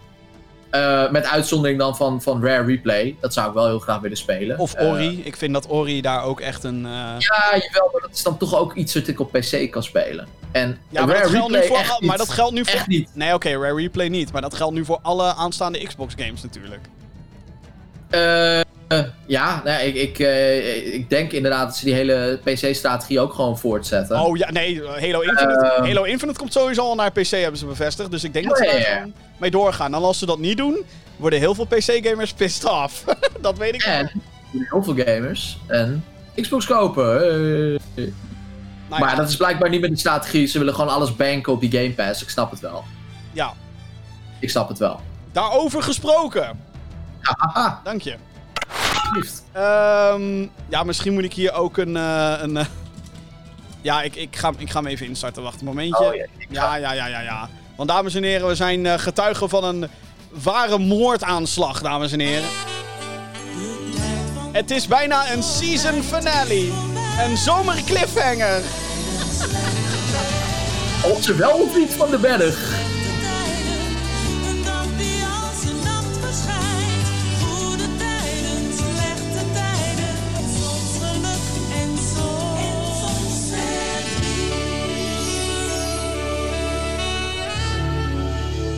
Ander nieuws dan vanuit het front van Xbox. Zij hebben aangekondigd dat Project xCloud in september toegevoegd gaat worden aan de dienst Xbox Game Pass Ultimate. Dit is een abonnement. Dit is een abonnement waarbij je een paar honderd titels kan gaan spelen op Xbox en PC. Dat zijn wel aparte libraries, zeg maar. Daar komt dus cloud gaming bij. In dit geval houdt het eh, in dat je bepaalde titels op mobiel kan gaan spelen. Project xCloud is het afgelopen jaar in een beta-vorm al te spelen. Uiteindelijk moet xCloud op alle schermen te spelen zijn. Xbox-hoofd Phil... Zo, nee. Xbox-hoofd Phil Spencer heeft in eh, meerdere in- interviews al aangegeven dat hij cloud gaming ziet als een waardevolle toevoeging, maar niet als vervanging van hoe games nu gespeeld worden. Met deze aankondiging lijkt het wel een moordaanslag op Stadia, de cloud gaming dienst van Google. Bij die dienst moet je namelijk 10 euro per maand betalen om een aantal games gratis te ontvangen. En daarna, voor de rest, moet je alle games gewoon full price halen. Xbox Game Pass Ultimate kost 15 per maand en biedt toegang tot honderden games. Ja, Rip, Ja, gewoon de nekslag. Ja, Rip toch? Stadia. Holy shit. Stadia. Hier, kijk jongens, wij zijn Stadia. En het werkt. Echt waar, denk ik. Eh, 4K 60 fps. Bullshit. Maar, eh, en dan komt Xbox nu. Hey guys, nieuwe Halo. Op je telefoon. Game Pass Ultimate, alsjeblieft. Maar ja, kijk, en da- dat is het mooie, zeg maar, wat je nu ziet als je zeg maar, eh, de, de tijdlijn een beetje bekijkt van hoe Microsoft is begonnen met die Game Pass eigenlijk. En ook met eigenlijk ook die exclusives ook uitbrengen voor PC. Hè? Eh, nu komt het allemaal samen. Nu snap je waarom ze het hebben gedaan. Dit is, dit is de ultieme soort van. Nou ja, ik bedoel, als jij zometeen een Xbox koopt en of dat nou een, een, een, een One S is of een Series X en jij koopt daar die Game Pass bij, eh, dan ben je gewoon klaar. Het is nog steeds een beetje die. eh, en dat vind ik het interessante van heel Xbox eigenlijk nu. Het is nog steeds die nagel van die verschrikkelijke Xbox One reveal. Met hey guys, eh, tweedehands games. Ja, moet je een fee voor gaan betalen. Een tol betalen om tweedehands games weer te kunnen spelen. We gaan over TV. We gaan over. Wat ze daar wel heel goed begrepen is dat het meer om een service ging dan om Ja, zeg maar alleen maar de games. Alleen het probleem is, is dat ze dat is toen. het enige wat je eruit kan halen. Ja, dat het, het, het enige probleem is, is dat ze gewoon compleet vergaten dat het over games ging. Een game console. Hè? Game eh, consoles. Maar ehm, ja, dit is gewoon. Stadia is echt. begint meer en meer waardeloos te worden. Jongen, ik zweer het je, als ik, een, als ik een betere computer had, dan zou ik ook zo'n Game Pass halen. Of, of misschien wel gewoon zo'n zo'n zo'n goedkoop Xboxje gewoon onder de televisie. Want ja, ik bedoel, waarom niet? Die Game Pass eh, die maakt het gewoon mogelijk om gewoon al die games gewoon bij release te spelen. Ja, Het enige probleem wat ik daarmee heb, en dat is met alle vormen van, van digitaal, is ownership. ja. ja Eh, maar wel dat is, dat is zeg maar mijn, mijn, mijn ouderwetse fysieke gamehartje dat zegt van ik wil gewoon een, een schijfje erin duwen en ik wil gewoon een diskje, een eh, hoesje in mijn in mijn kastje hebben staan. Nou ja, dat is natuurlijk ook nu nog steeds. Met Netflix is dat natuurlijk ook zo. Dat je eh, dacht van, oh ja, die ene film stond op, net, stond op Netflix, hè. Dan ga je zoeken. Oh, toch niet meer. Kut. Oh ja, Eh. bij Netflix heb ik het dus helemaal niet. Maar bij, ik ben ook altijd wel redelijk op de hoogte van wat er beschikbaar is en wat niet. En als er iets beschikbaar is, dan ga ik het ook meteen kijken. Nee, oké, maar ja, dat moeten Maar mensen dat dus ook, bedoelt, ja. moet mensen ook gaan doen met, met, met dan dit soort game-abonnementen. Ehm, waar ik vooral een probleem mee heb met, als het gaat om, want het is, dit is de beste deal in gaming gewoon. Ja, Xbox Game Pass Ultimate. Voor twee platforms heb je per direct de complete library voor 15 eurotjes per maand. Dat is fucking cheap. Dat is echt- no. En dan straks ook nog eens eh, op de cloud. Dat je ook op je telefoon kan spelen als je onderweg bent. En ja, wat Phil Spencer al zei. Ik wil dit op alle schermen speelbaar hebben. Dus dat je straks ook Ja. gewoon à la Stadia een browser kan openen op je crap laptop. En dat je daar ook de nieuwe Halo op kan spelen of zo. Fucking genius is het. En ehm, het, het, het, het enige grote probleem wat ik heb met dit soort diensten. Is dat het daarmee de waarde van games heel erg naar beneden haalt. Ja. Eh, want op het moment dat je ineens toegang hebt tot 200 games, dan boeien 195 van die 200 games boeien je dan ineens niet meer. Nee. Ehm, en dat klinkt dan heel lullig. En je moet natuurlijk voor iedereen, hè, voor ieder wat wils moet je hebben. Maar ik denk echt gewoon dat, dat dat een groot probleem kan worden. En ik weet het dat ik het al veel over Ori and the Will of the Wisps heb gehad. Maar ik denk echt dat Ori daarin slachtoffer van is geweest. Want dat is zo'n game, is super tof en geweldig en, en leuk. Maar ja, dat staat dan in je Game Pass lijst. En denk je, nou ja, ik ga wel Call of Duty spelen. Weet je, dat is een beetje de, de, de stereotype aanname die ik nu doe. Maar ja, als ik dan lees, Ori is door 2 miljoen mensen gespeeld. Oeh, dat is niet veel. Want dat is nu hoe Xbox zijn cijfertjes berekent. Het is niet meer zoveel verkocht. Want hé, hey, het is Game Pass. Het is Precies. nu, zoveel mensen hebben het gespeeld. Maar dat is dan niet, hoeveel hebben ze gespeeld? Hoe lang? Eh, spelen ze het nu nog? Of, Ja, weet je wel? inderdaad. Is het alleen, oh, ze hebben hem één keer opgestart. En daarom denk ik dus dat Ori daar echt gewoon heel erg hard... Ja, ik denk, Ja, nou ja, die kan, zo'n game kan daarin heel hard geslachtofferd worden. Ja. ja. ik denk niet dat het geflopt heeft, Ori en The Will the Wisps. En, eh, wi- Wisps. En ik blijf nogmaals zeggen, eh, wat een briljante game. Ga dat spelen, of je nou wel of geen Xbox Game Pass hebt. Eh, het is die Mhm. 30 euro meer dan waard. Ehm, want hey, het is immers een van de beste games van 2020. Ehm, maar ja, het- het- dat is het ding waar ik denk...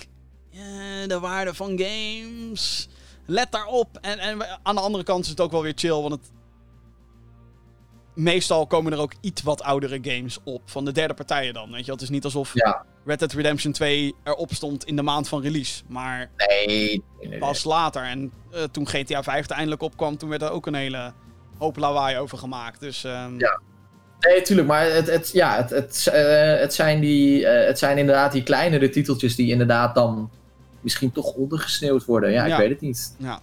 Dus ik ben. eh, in, in die zin ben ik een beetje huiverig als iedereen naar zo'n abonnementsdienst gaat. Wat me niet eens zo heel erg zou verbazen. Maar dan verandert gewoon de hele manier van games ontwikkelen en games distribueren. De Ja, distributie. ja, dat, dat is wel waar, waar Xbox naartoe beweegt natuurlijk. Ja. Maar of PlayStation dat gaat doen, voorlopig nog niet natuurlijk. Alhoewel zij ook PlayStation Now hebben en er ergens patenten zijn opgedoken, wat er wellicht naar wijst dat zij ehm, in ieder geval de backwards compatibility op die manier weer willen. Oh ja, ja heb ik ook gezien, ja. Dat PS1, PS2 en PS3 titels dan via PlayStation Now eh, een ding wordt. Ja. Maar goed, ja, dat is. eh, dat is dan dat. Xbox, jongens. Interessante dingen. Eh, 23 juli weten we meer. Ehm, als ik nog even een voorspellingje erin mag doen. Ik denk dat we een prijs gaan krijgen en een datum. Oh, ja. Ook al zeggen ze, ja. ook al zeggen ze we doen alleen maar games. True, dat zei PlayStation ook. en toen ineens, hier is de hardware, bitch.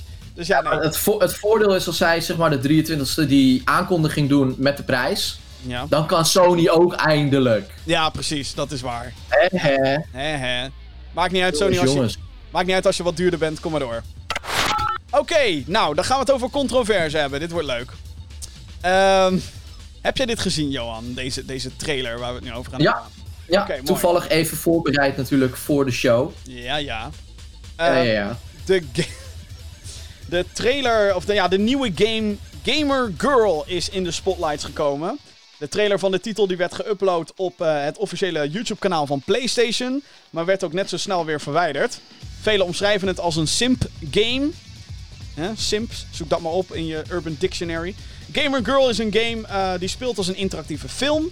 Je speelt hierin als een moderator voor een vrouwelijke streamer. Naarmate je de chat beheert, gebeuren er steeds meer mysterieuze en stalkerige dingen met de streamer. Online zijn de reacties niet mild en is er kritiek op de wijze hoe streamers hierin, en vrouwen natuurlijk, hierin afgebeeld worden. Gamer Girl komt in september naar PC, PlayStation 4, Xbox One en Nintendo Switch. Johan, wat is jouw take op Gamer Girl? Ja, ik, eh, ik, ik, ik dacht, ik was het aan het lezen in het draaiboek. Ik denk, nou, nou is echt de pleuris uitgebroken of zo. Dus ik denk, ik ga gewoon die trailer kijken. En ik bedoel, ja, je, je zou daar inderdaad iets, iets van kunnen vinden.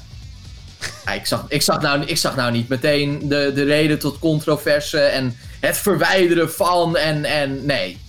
Nee, ik vind het allemaal wel meevallen of zo. Ik ben blij dat wij dan die mening delen, want ik vond het ook... Sterker nog... Ik dacht, echt- ik dacht, er gebeurt iets heel ergs nu. Ja, want kijk, Ik heb hem tuurlijk... zelfs twee keer gekeken. Ja, kon kijk, het niet weet je, vinden. het, het enige wat natuurlijk een beetje eh, wat dan kut is, is misschien de naam. Gamer Girl, dat dan meteen zo'n stereotype streamer eraan gekoppeld wordt aan alleen de term Gamer Girl. Dat is echt het enige waarvan ik denk, Ja, misschien, weet je wel. je moet het toch ook een beetje kunnen duiden. Ja, nee, vind ik ook. En, en, en ik vind, kijk, weet je, iedereen die denkt, oh ja, maar niemand gedraagt zich zo op stream. Niemand kleedt zo op stream. Bullshit. Ga gewoon eens even Twitch langs. En eh, gegarandeerd, gegarandeerd dat je dit soort streams gaat vinden met... Hey guys, ik ben aan het sporten en ik eh, lekker inkijk en dat soort shit. Het gebeurt! Niet iedereen, godzijdank. Hoeft ook voor mij helemaal niet dat een vrouwelijke, streamer dat doet. Helemaal niet. Vrouwen kunnen ook heel erg vermakelijk zijn zonder inkijk, zeg maar. Ehm, ja, nee. dat- ja, nee ik, Gelukkig, Jim. ik probeer, ik probeer een serieus statement te maken, oké? Wat heel moeilijk is met deze game, dat weet ik. Maar ik vind het concept van, hey, je bent een moderator van zo'n streamer girl... die gestalkt wordt en shit... eigenlijk best wel tof. misschien, ben ik, vet. Ik wil Misschien- dit spelen. misschien ben ik de grootste simp op dit moment. I don't fucking care, maar... Wat? Gewoon... Nou, ik wist Waarom- tot voor vijf minuten geleden niet wat een simp was. Dus eh, Oh. Waarom is iedereen hier zo boos over, zeg maar? Ik snap het niet. ja, ik, ik weet het wel. Kunnen we dan Eh, echt niks meer hebben, gewoon?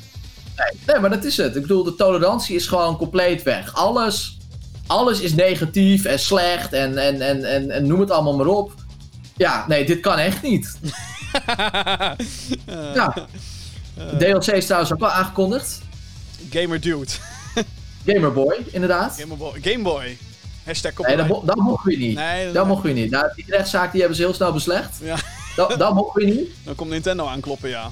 Is gezetteld. Eh, nee, maar ik bedoel... eh, ja, nee, misschien kan iemand, iemand het mij vertellen, maar... Wat? Hè? Wat is er mis mee? Ja. Het is toch gewoon, het is toch gewoon fictie? En het is, het, het- het- er- er- er worden geen hele vreselijke dingen gedaan of zo in die trailer. Ik denk, dit wordt echt een soort van... eh, je had op een gegeven moment had je die, die, die, die rape games of zo, die toen helemaal in opspraak kwamen. Oh, weet je wel? Die, ja, eh, die Japanse games. Dat ik dacht van, ja, oké, dat is best wel heftig, ja. En zeker voor ons westerners, die, die zoiets hebben van, ja, dat doe je gewoon niet. En ook niet in een spelletje. Dat ik dacht van, oké, snap ik, snap ik. Maar hier denk ik van, ja, ehm, moet, ik dit, moet ik dit erg vinden? En eh, vertel me dan ook even waarom. Want blijkbaar doen we dat nu toch? Iemand zegt gewoon, dat moet jij kut vinden. Dan zeg ik, oké, waarom dan? Ja, omdat eh, meisjes. Oké. Ja. Ja, ik vind het kut, want er zitten meisjes in. Ja. Ja. Nee, ik, eh, Jim, echt, ik, ik heb er twee keer naar gekeken. Ehm, en ik vind, ja, ik vind het eigenlijk gewoon hete interessant. Ja, ik wil dit wel spelen. Ik vind het een hele interessante take eigenlijk. ja, ik vind het ook gewoon... eh, Ja, ik, ik, ik vind het wel interessant inderdaad. Interessanter dan Super Seducer. Ja, Wat- exact. Wat inderdaad gewoon echt een of andere mooi boy guy van... Ik ga, jou leer- ik ga jullie gamers even leren hoe je vrouwen moet versieren en hoe dat dan gaat. Ah, ik weet niet, weet je. Dan vind ik dat, dat vind ik veel schadelijker. En het feit dat daar fucking drie games van bestaan, dan dit of zo. Dit ziet, ja, nee, maar dit is toch gewoon rete spannend. dit ziet er gewoon uit als een of andere cheesy fucking horrorfilm gewoon. Een interactieve cheesy fucking horrorfilm. Want zo eindigt die trailer wel van... Oh jongens, ik ga iemand opzoeken en ik ben in mijn eentje. Hè, alsof ze dat dan ook allemaal livestreamt, zeg maar. Ja. Ik weet niet, Ja, ja. nee, ik- ja, nee ik, eh, ik, eh, eh, ik vind het wel, ja, ik vind het wel tof eigenlijk. Ik ook. Ik, ik, snap, ik snap de controverse niet. Laat het vooral weten in, in de mail wat, Ja, waar- wat- waarom we dit heel erg mo- moeten vinden. Podcast.gamergeeks.nl Nou, dit, dit vind jij dan misschien wel interessant, Jo. Eh, voor het eerst in 24 jaar komt er namelijk geen Ja. nieuwe game in de Pro Evolution Soccer franchise. Die overigens al door meerdere type namen is heen gegaan tijdens mijn research. Ben ik achtergekomen. Eh, ja, klopt. Winning Eleven. Eh, Winning Eleven is de Japanse naam. oh, ik dacht dat dat ook voor een tijdje nog de Amerikaanse en Europese naam was nog. Nee, het is International Superstar Soccer, geloof ik. Oh ja, ISS. Ja, Anyway, eh, eh, we, we kennen het nu gewoon als Pro Evo. Eh, dit is de voetbalserie van de Japanse uitgever Konami, natuurlijk. Ehm, Nou, natuurlijk. De reden hiervoor is dat het team bezig is met een next-gen versie van de game. Die gebruik gaat maken van Unreal Engine. In plaats van de Foxhound Engine of de Fox Engine. die onder andere gebruikt werd in Metal Gear Solid 5 The Phantom Pain. Wel wordt er voor de huidige editie een seizoensupdate uitgebracht. Die in ieder geval de transfers mee gaat nemen en gaat updaten. Maar meer details daarover zijn niet bekendgemaakt. Dus ja, eh, geen, pro, geen nieuwe game dit jaar. Wel volgend jaar. En dus een seizoensupdate voor de huidige game. Hebben ze nog gezegd dat die update moet gaan kosten? Of is het gewoon echt van, oh, je krijgt gewoon een update? Nee, ik denk dat er wel dat er een prijskaartje aan gaat hangen. Maar dat is allemaal niet bekendgemaakt. Ik kon daar Nee, echt... oké, maar ik kan me voorstellen. Kijk, en ik denk ook niet dat men dat heel erg zou vinden om daar bijvoorbeeld, weet ik veel wat, 15 euro of zo voor neer te leggen. Want ja, je wilt toch dat hè, de spelers in het juiste team zitten. Of de spelers die niet meer spelen, ook echt niet meer spelen. Nou ja, precies. Eh, maar ja, ik vind het, eh, ik vind het wel balsy. Eh, ik bedoel, vorig jaar hebben zij een, nieuwe soort van richting ingezet. Toen heette het ineens e-football Pro Evolution Soccer. Ja. Eh, omdat ze meer de e-sports kant op wilden gaan. En ik heb er eigenlijk helemaal niks meer van gehoord of gezien, als ik heel eerlijk ben. E-sports. Ehm, eh, maar goed, toen dacht ik al van, oké, ja, oké, grappig, leuk, eh, interessant. Maar om nu gewoon te zeggen van, ja, we doen het gewoon een jaartje niet. En we gaan gewoon erop focussen om, om volgend jaar gewoon een game uit te brengen die draait op een compleet nieuwe engine. Unreal Engine 5, doe het alsjeblieft. Waarschijnlijk, denk ik wel. Eh, ja. lijkt me super vet. en ja, ik koop sowieso niet elk jaar Pro Evo. Dus ik, ik vind het wel oké. Dus voor mij misschien juist een reden om te denken. ik koop die versie van vorig jaar voor niet al te veel geld met die update. Ik vind het eigenlijk eh, een goede move die EA misschien ook wel eens een keertje zou moeten doen. Zeg maar. Ja. Als je merkt, Ja, dat, absoluut. als je merkt absoluut. dat- jongens, we kunnen... Kijk, en het probleem daarbij is natuurlijk gewoon aandeelhouders en het, het weet ik hoeveel geld wat je daarmee eh, misloopt. En ja, Konami heeft zoiets van... Games, we don't give a fuck, soort van. Ja, nou ja, Konami is echt hele andere dingen aan het doen of Ja, zo lijkt. Konami vindt games zeg maar een leuk extra zakcentje. Dat is een- hoe Konami kijkt naar hun eh, game divisie op dit moment. Eh, mocht je het niet weten, de, de uitgever is in Japan voornamelijk bekend om eh, fitnessclubs en zo. En eh, pachinko machines. Dat zijn gokmachines. Ja. Ehm, dus ja, er is inderdaad een nieuwe Silent Hill. Maar dat is een gokmachine in Japan. Veel plezier. Hey. Ehm, ja, dus, dus dit is. eh, eh, zij kunnen waarschijnlijk ook zo'n beslissing maken. Daar waar EA waarschijnlijk alle aandeelhouders en de voetbalbonden en zo. waarschijnlijk iets minder voor elkaar zou krijgen. Om te zeggen: jongens, we gaan dit jaar geen FIFA uitbrengen voor PS4. Ja, maar mijn geld dan, eh, hoe ga je dat doen? Ja, we hebben heel veel nieuwe FUT-pakketjes. Ja, nou ja, daar, daar kunnen ze waarschijnlijk makkelijk een jaar opteren. Maar goed, het is toch allemaal weer die. Ja, Minstens het- maar 10 het had ook meer kunnen zijn, Jim. Nou ja, zo kijk ik dus een beetje naar eh, Nintendo en hoe zij eh, hun business op dit moment regelen. Ja, Ja, ze verdienen veel geld, maar het kan zoveel meer zijn. Ja ik wou maar, zeggen, ja, geld, geld is niet vies, toch? maar goed, ja, nee, ik vind het wel ergens verfrissend of zo dat zij eh, nu gewoon zeggen: fuck it, we gaan ons richten op de nieuwe, die echt gewoon weer. Hè, En het is ook wel slim, want de overstap van, van Pro Evo van PS3 naar PS4 was rampzalig. ja, Was echt niet goed. Eh, dus eh, ja, neem er vooral even de tijd voor, jongens. Want eh, dat willen we niet nog een keer. ja, precies. Oké, nou ja, Pro Evo dus, seizoensupdate, wanneer er details erover zijn en waarschijnlijk controverse daarover komt. denk ik. Ehm, moeten we allemaal maar gaan, gaan, gaan afwachten, denk ik. Dan is er nieuws over een streamer. We gaan het weer over streamers hebben. Yay! Eh, ja, ik ben, koffie? Ja, lekker. ja, ik ben best wel fan van deze man. Dus eh, vandaar dat ik dit zaakje ook best wel opvallend vind. Guy Beam, beter bekend als Dr. Disrespect, gaat Twitch mogelijk voor de rechter slepen. De populaire streamer werd eind juni zonder aankondiging of waarschuwing geband van het platform. En dit is heel opvallend, want dit was een paar maanden nadat hij een exclusiviteitscontract had getekend bij het platform. Een reden voor de ban heeft Twitch tot op de dag van vandaag niet gegeven. Ook Dr. Disrespect lijkt niet te weten waarom hij van het platform is afgetrapt, zo heeft hij in meerdere interviews gezegd. De streamer heeft nu ook aangegeven dat hij sowieso niet gaat terugkeren op Twitch en dat hij dus juridische actie gaat ondernemen. Ja, ja het, is, eh, het, blijft, eh, het blijft spannend. Ja, ik denk dat er natuurlijk al gewoon het een en ander is gesproken tussen eh, verschillende advocatenpartijen. Ja, daarom... En dat allebei gewoon een bek moeten houden, zolang Ja. die zaak loopt. ja, dat En waarschijnlijk daarna ook nog, dat er gewoon een eh, non-disclosure agreement wordt getekend van je houdt gewoon je bek. Eh, ja, dus dat, dat- het nog wel even kan duren voordat we daar zeg maar echt iets, eh, iets te horen gaan krijgen van wat daar nou is gebeurd. Ik ben er wel heel nieuwsgierig naar, want heeft hij een bepaalde regel gebroken of zo die in dat exclusiviteitscontract stond? Ja, we weten het gewoon niet. Nee, er zijn heel veel geruchten zijn er geweest. Hij werd ook geband tijdens waar we nu nog steeds in zitten. Een grote MeToo-golf natuurlijk. Heel veel mensen die beschuldigd worden Ja. van seksueel wangedrag en zo. En een, ja, crappy verleden.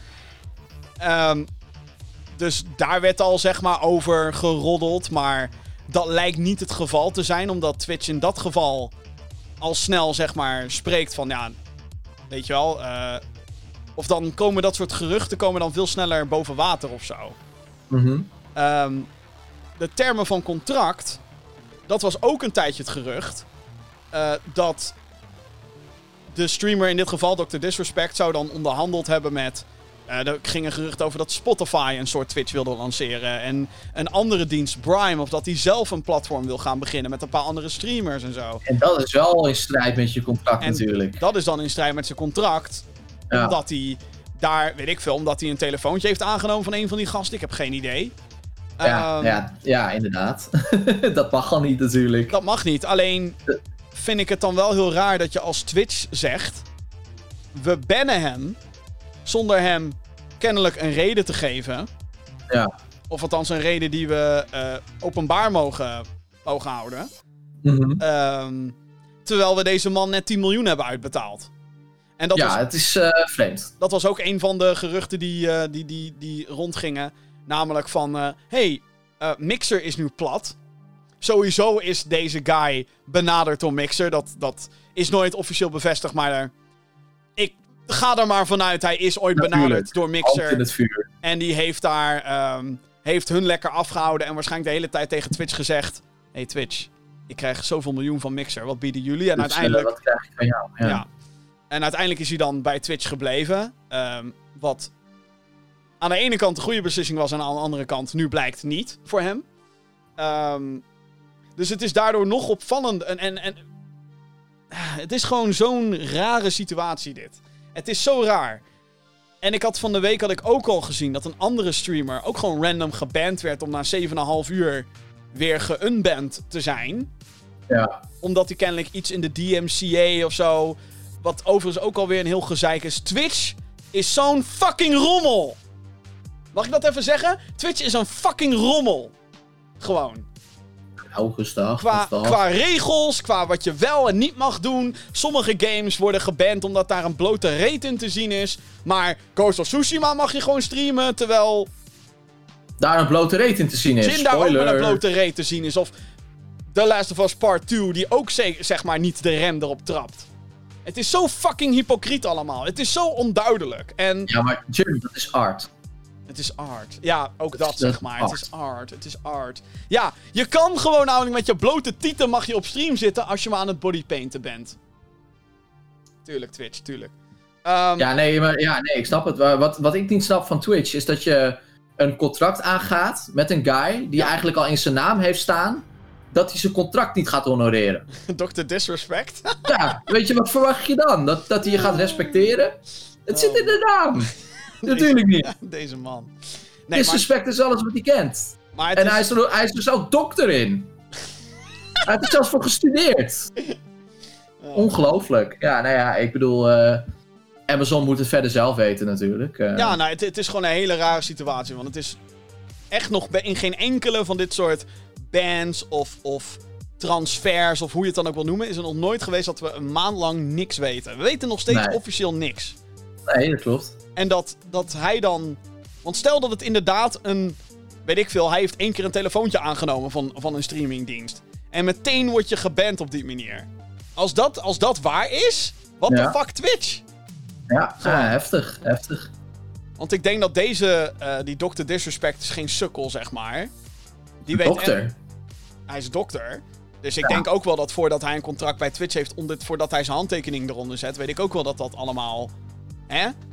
Ja, Dat dat in, in zijn opinie ook niet zonder gaten zou zitten. Dus dat hij heus wel met andere partijen, dat hij met andere streamers mag streamen bijvoorbeeld, van andere platforms of whatever. Want dat soort shit zal daar ongetwijfeld ook allemaal in staan. In ja tuurlijk, tuurlijk. Maar Het is zo'n gekke situatie. Het is zo raar. Het is zo. What the fuck. En begrijp me niet verkeerd, ook al zit je helemaal niet in het wereldje, maar la- laat ik dit zeggen: Dr. Disrespect is een van de populairste, gewoon. Een van de populairste. Ja. Dit is alsof Barcelona ineens Messi wegstuurt zonder een reden te geven. Dit is eigenlijk jouw, jouw VI, zeg maar. Qua situatie. Nou ja, nou, ja, een beetje wel. Maar daar zit wel duidelijk een reden achter. Nee, we weten is allemaal waar. Ja, wat er ja, bij ja. VI gebeurd is. En hier is, het, hier is het gewoon, we weten niet wat er gebeurd is. We moeten alleen maar een beetje gaan gokken. We weten het niet. En inderdaad, omdat er nu ook een, een, een, omdat er sowieso advocaten bij betrokken zijn, gaan we dat nog lang niet horen. Ik denk wel dat we het ooit gaan horen. Want daar is deze situatie te publiekelijk voor. Sterker nog, het is een heel publieke opinie. En Ja. eh, ik ben een beetje team Dr. Disrespect. Maar ook gewoon omdat ik die gast een van de meest entertainende streamers... Ik vind het echt een briljant wat die guy doet. En hoe hij het volhoudt om in die fucking pruik en die zonnebril continu zo'n typetje op te zetten, vind ik ook knap. Maar ja, ik weet niet. Ik heb gewoon het idee dat Twitch hier gewoon heeft gedacht... Kut, we, we betalen deze guy miljoenen. Waarvoor eigenlijk? Fuck it. We zoeken wel iets wat hij ooit gezegd heeft in een stream of zo. Wat misschien een beetje beledigend is. Bam, trekker overgehaald. Ik heb echt het idee dat het zoiets is. Maar Ja, we gaan het, we gaan het eh, voorlopig eh, nog niet weten. dat is allemaal, dat is allemaal eh, ook... Speculaas. dat, inderdaad. Hele opvallende situatie. Heel raar. Weet je wat ook opvallend is? Hey, hey, hey, hey, hoe doe je Volgende nieuwtje. Het volgende nieuwtje. Ehm, moet jij nog steeds koffie gaan halen of niet? Nee, is- ik, eh ik eh, is service van niks hier. nee, dat dacht ik al. Dit is een persoonlijke rage. Terug nieuws voor fans van Final Fantasy Crystal... Fucking hell. Crystal Chronicles. Crystal. Crystal Chronicles. Hij gaat, Chronicles van Christ. ja, hij, gaat, hij gaat lekker, jongens. Eh, Ik snap dat je boos bent, Jim, maar jezus, blijf professioneel. Ja. Ik vind het ook niet leuk. ja, een beetje Dr. Disrespect hier. eh. Even kijken. Treurig nieuws voor fans van Final Fantasy Crystal Chronicles. De remaster van deze titel komt op 27 augustus naar PlayStation 4, iOS, Android en Nintendo Switch. Het origineel kwam uit in 2004 voor de GameCube en richtte zich voornamelijk op lokale multiplayer. En dit kon toen alleen gedaan worden met behulp van een Game Boy Advance connector. Dat was echt... Dat was, Kut. mijn, dat was kut en dat was mijn jeugd, dames en heren. Dat het, een keer, het is me een keer gelukt, hè. Met vier mensen bij elkaar, alle vier zo'n kutkabel, alle vier een Game Boy Advance, batterijen opgeladen, alles. Oh, was, drie was mijn max hoor. Drie was mijn max. het was glorieus, kan ik je vertellen. Ehm, was het nodig? Nee. Was een leuke gimmick? Dat wel. Ja. Deze week is bekendgemaakt dat voor de remaster de lokale multiplayer functie uit de titel is gehaald. En in plaats daarvan eh, ja, die is vervangen door een online multiplayer stand. Een verrassende optie aangezien je zou denken dat spelers hierin een, eh, ja, een optie zouden krijgen. Ja, nee, het is, eh, het is heel raar dat iets wat wel in het origineel zat, dat dat niet in de remaster zit. Is natuurlijk niet ongehoord, hè? dat is wel vaker gebeurd. Helaas. Maar ik, ik zou, ik, zou dus, ik zou denken, eh, ik dacht toen deze game werd aangekondigd, want hij zou al eigenlijk uit zijn, al twee keer. Ja. Eh, ik, ik ga dit lekker spelen met iemand op de bank. nou, En als dat even niet kan, dan speel ik online. Maar mainly lekker op de bank. Ja, ik heb dus echt al met vrienden, eh, toen deze game werd aangekondigd al. Maar niet met mij. Nee, maar ook waren. ook met mensen die vroeger dus inderdaad met die Game Boy Advance, kutkabel, alles, weet ik het wat allemaal. Zaten we, ja, we gaan dit weer doen, weet je, gewoon echt nostalgia. Jij draagt die kutkelk. Ja, jij, draagt, jij gaat dat kutding, je moet zo'n soort van kristaldruppelhouder of zo, moet je fucking dragen in de game. En een van de vier spelers moet dat de hele tijd doen. Ehm, maar ja, ik dacht, dit wordt te gek, jongens. En dan gaan we hem dit keer echt uitspelen. Echt waar, weet je wel. maar echt. om dan nu, zeg maar, dat ik, ik denk echt, what the fuck, what the fuck. Waarom haal je zoiets eruit? Je, de kern van je fucking... En tuurlijk, het kan online. Tuurlijk kan het online. I get it, weet Cross, je wel. ja, crossplay zelfs, hè? Crossplay. Dat kunnen ze wel! Ze Ja, kunnen ze wel, crossplay met... crossplay. Ze kunnen crossplay met console, mobiel, switch, alles. Ja. Maar geen local multiplayer stand. Nee, eh, want eh, dat was ook wel mooi, want ontwikkelredenen. Ja, pff, Gewoon geen reden gegeven. Ja, ontwikkelredenen. ja de, de reden is fucking luiheid. Is wat een fucking... Ik bedoel, het ziet er al niet heel goed uit. Ik bedoel, het is gewoon een remaster van... eh, zeg maar, het is geen remake, het is een remaster. Van een Ja. game uit 2004. Dus ja, wat kan je daarvan verwachten? Maar kom op, remaster dan ook de boel. En zorg ervoor dat het fucking werkt. Ja, nee, ik, ik vind dat ook echt heel teleurstellend. Ik was echt pissed off toen ik dit las. Ik dacht, hoe dan? Ja. Hoe dan? Maar ja, eh, ja, ik bedoel, we kunnen er niks aan doen. Het is net zoiets als eh, Halo zonder splitscreen. Dat wordt, eh, wordt je matties gewoon eh, opbellen met een eh, koptelefoon op. En dan, eh, en dan spelen. Ja. Ja, ik vind het, ik vind het echt een disappointing. Ja, eh, heel raar. Ik vind het gewoon ook raar dat er niet echt een goede reden is gegeven. Nee, kijk, als je dan... De enige reden die ik zou kunnen bedenken... Is ja, want eh, hè, al die minuutjes op het scherm, dat is vervelend of zo. Weet ik veel, zeg dan zoiets. Maar... Ja, maak er nog even wat van, want, dat, want dat was het interessante van dat, dit hele Game Boy Advance connector naar Gamecube. Dan kreeg je op je Game Boy kreeg je te zien... ehm, je inventory en zo. En je skills en zo kon je daarop doen. Ja. Best, best wel tof bedacht eigenlijk. Een beetje Wii U Screen. voordat de Wii U ooit een ding was. Ja, nee, echt. Maar daar moet toch een oplossing voor zijn. Gewoon in de. I don't get it. Het is echt. Het is... Gewoon in, anno, anno 2020. Ja, nee, eh, ze, het was een eh, tough cookie to crack. En toen dachten ze, weet je, ik hou helemaal niet van tough cookies. Ja, Laat maar. ja, laat ook maar inderdaad. Fuck it. Lui. Verschrikkelijk. lui. Oké, eh, een anime gebaseerd op de RPG Dragon's Dogma is officieel aangekondigd door Netflix. Op Twitter werd de serie aangekondigd met een release datum, meteen, van 17 september. Dragon's Dogma is een RPG die is uitgegeven door Capcom. Het origineel die kwam uit in 2012. Holy fuck, dat is lang geleden. Voor eh, toen de Xbox 360 en de PlayStation 3. Later kreeg de game een re-release op eh, PC, PlayStation 4, Xbox One en ook nog eens de Nintendo Switch. Een vervolg hebben wij nooit gekregen, alhoewel er in Japan een MMO te spelen was met de naam Dragon's Dogma Online. Die ging vorig jaar offline.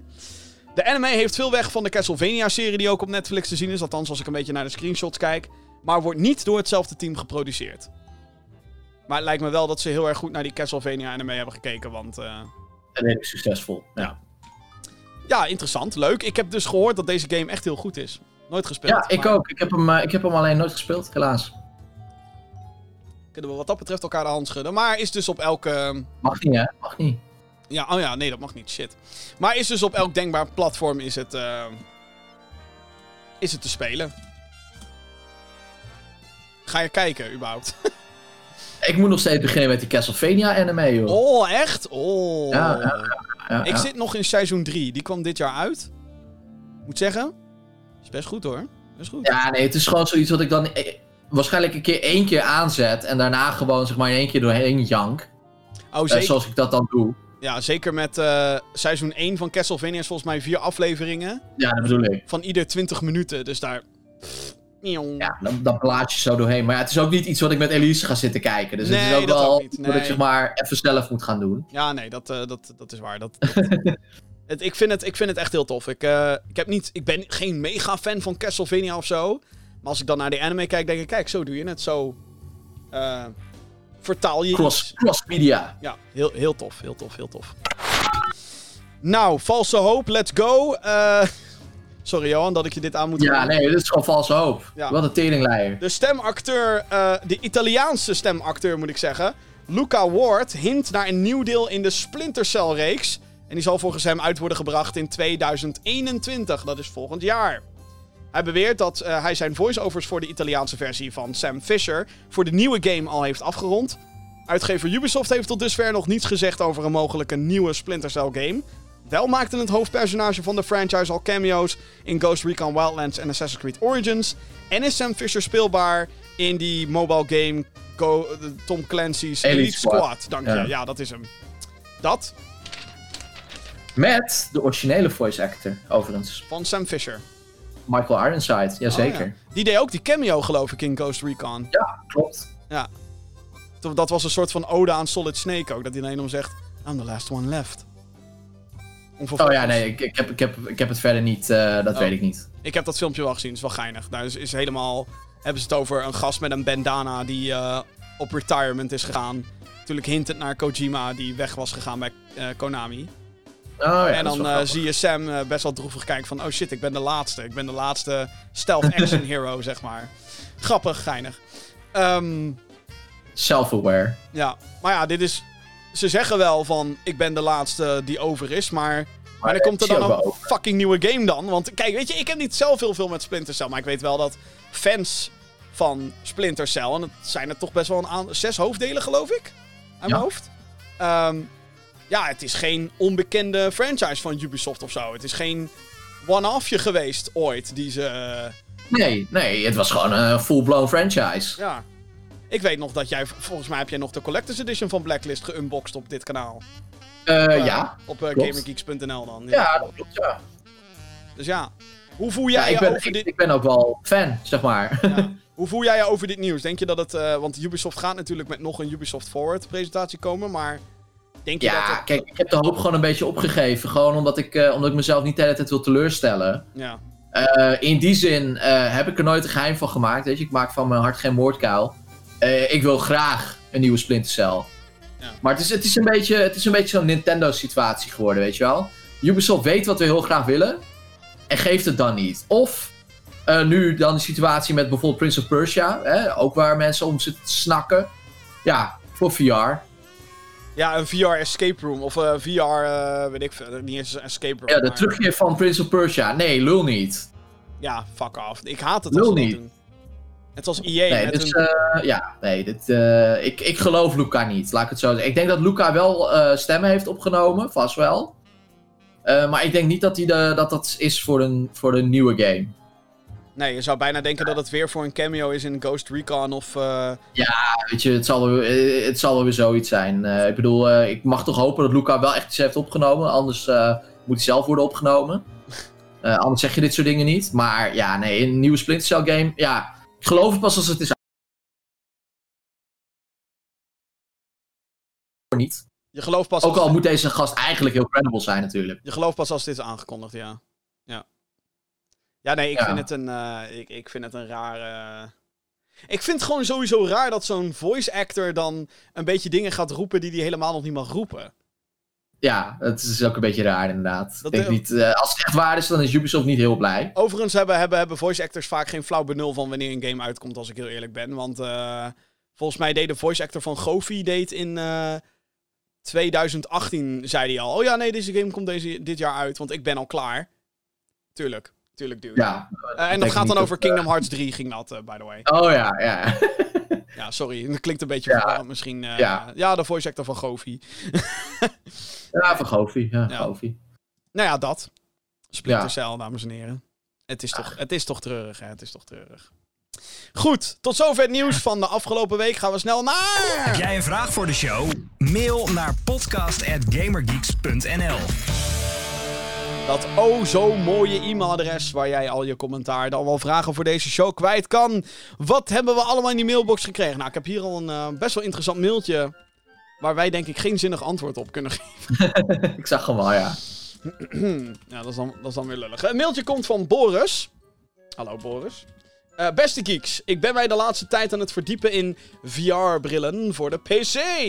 Wat raden jullie aan en wat is de beste prijs-kwaliteitsverhouding? En wat raden jullie niet aan? Een VR-bril is vaak een redelijk grote investering. Vinden jullie het het geld waard om daar te investeren of niet? Ik ben heel benieuwd naar jullie mening. Groetjes van Boris, vaste luisteraar. Ga zo door, super toffe podcast elke week. Dankjewel Boris! Ja, en dan, en dan zeg maar het teleurstellende antwoord. Nou, dat was onze vaste luisteraar. ja, nee, ik bedoel, eh, la- laat, mij, laat mij vooropstellen dat ik echt gewoon de ballenverstand heb van VR-brillen. Eh, ik bedoel, ik, ik, weet, ik weet wat er op de markt is, maar ik weet niet wat beter is dan het een of dan het ander. Eh, je andere vraag kan ik wel beantwoorden. Namelijk of, je, of het waard is om daarin te investeren. Want dat antwoord, dat, eh, dat ligt bij jezelf. Dat weet ik niet. Ik, weet, ik kan niet in jouw portemonnee kijken. Ik weet niet wat jij tof vindt. Ik heb eh, bijvoorbeeld gezien dat Half-Life Alex, zeg maar, die, de terugkeer van de Half-Life-reeks. eh, dat schijnt echt de ultieme, dat schijnt de killer app voor VR te zijn.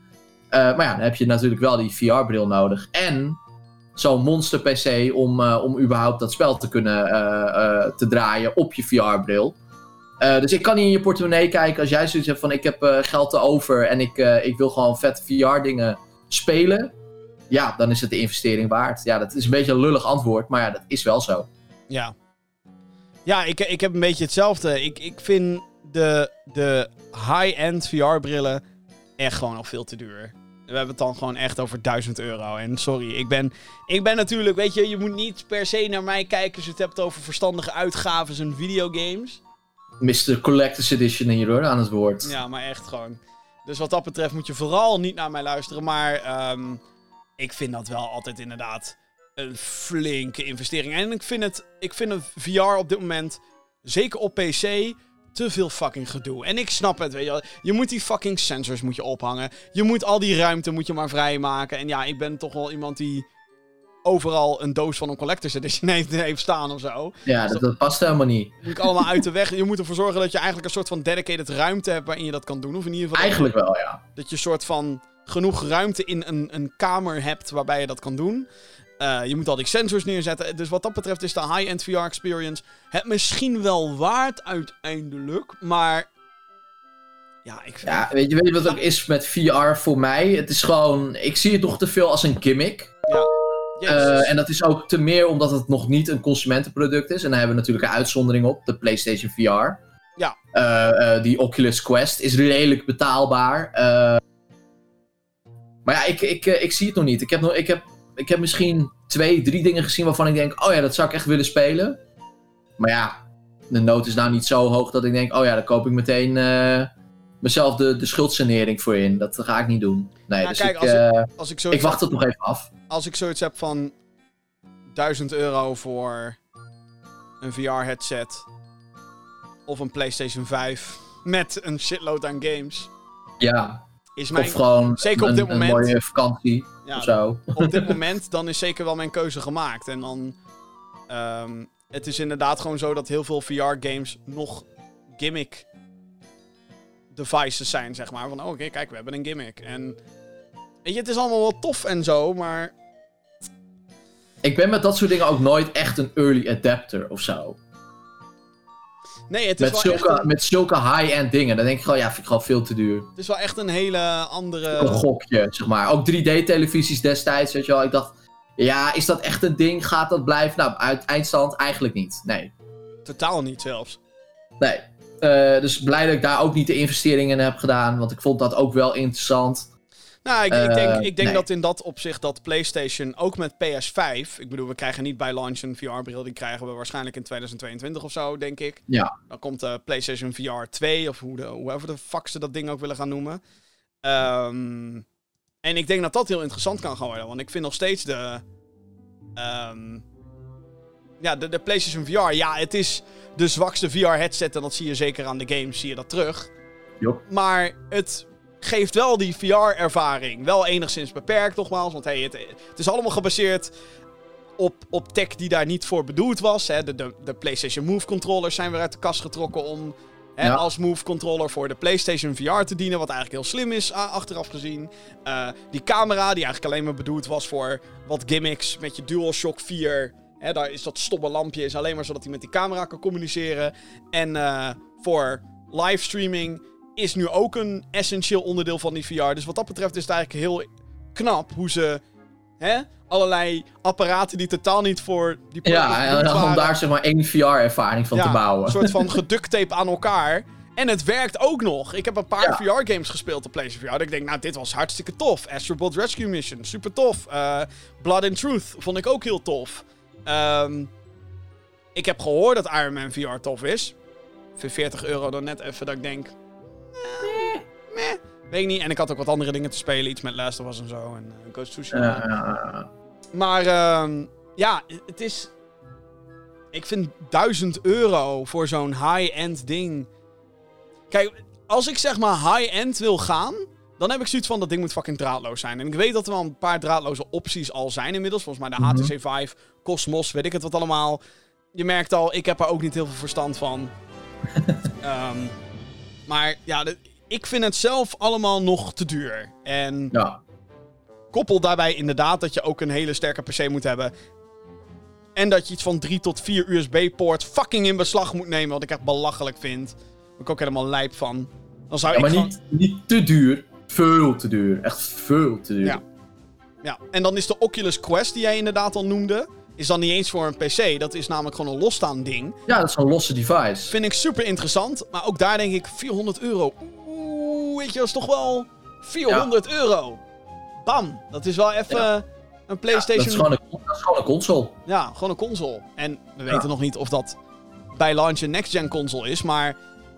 En weet je, en je weet gewoon wat voor, wat voor dat, dat heel veel van de titels gimmick games zijn. Je gaat daar geen Ghost of Tsushima vinden. Nog niet.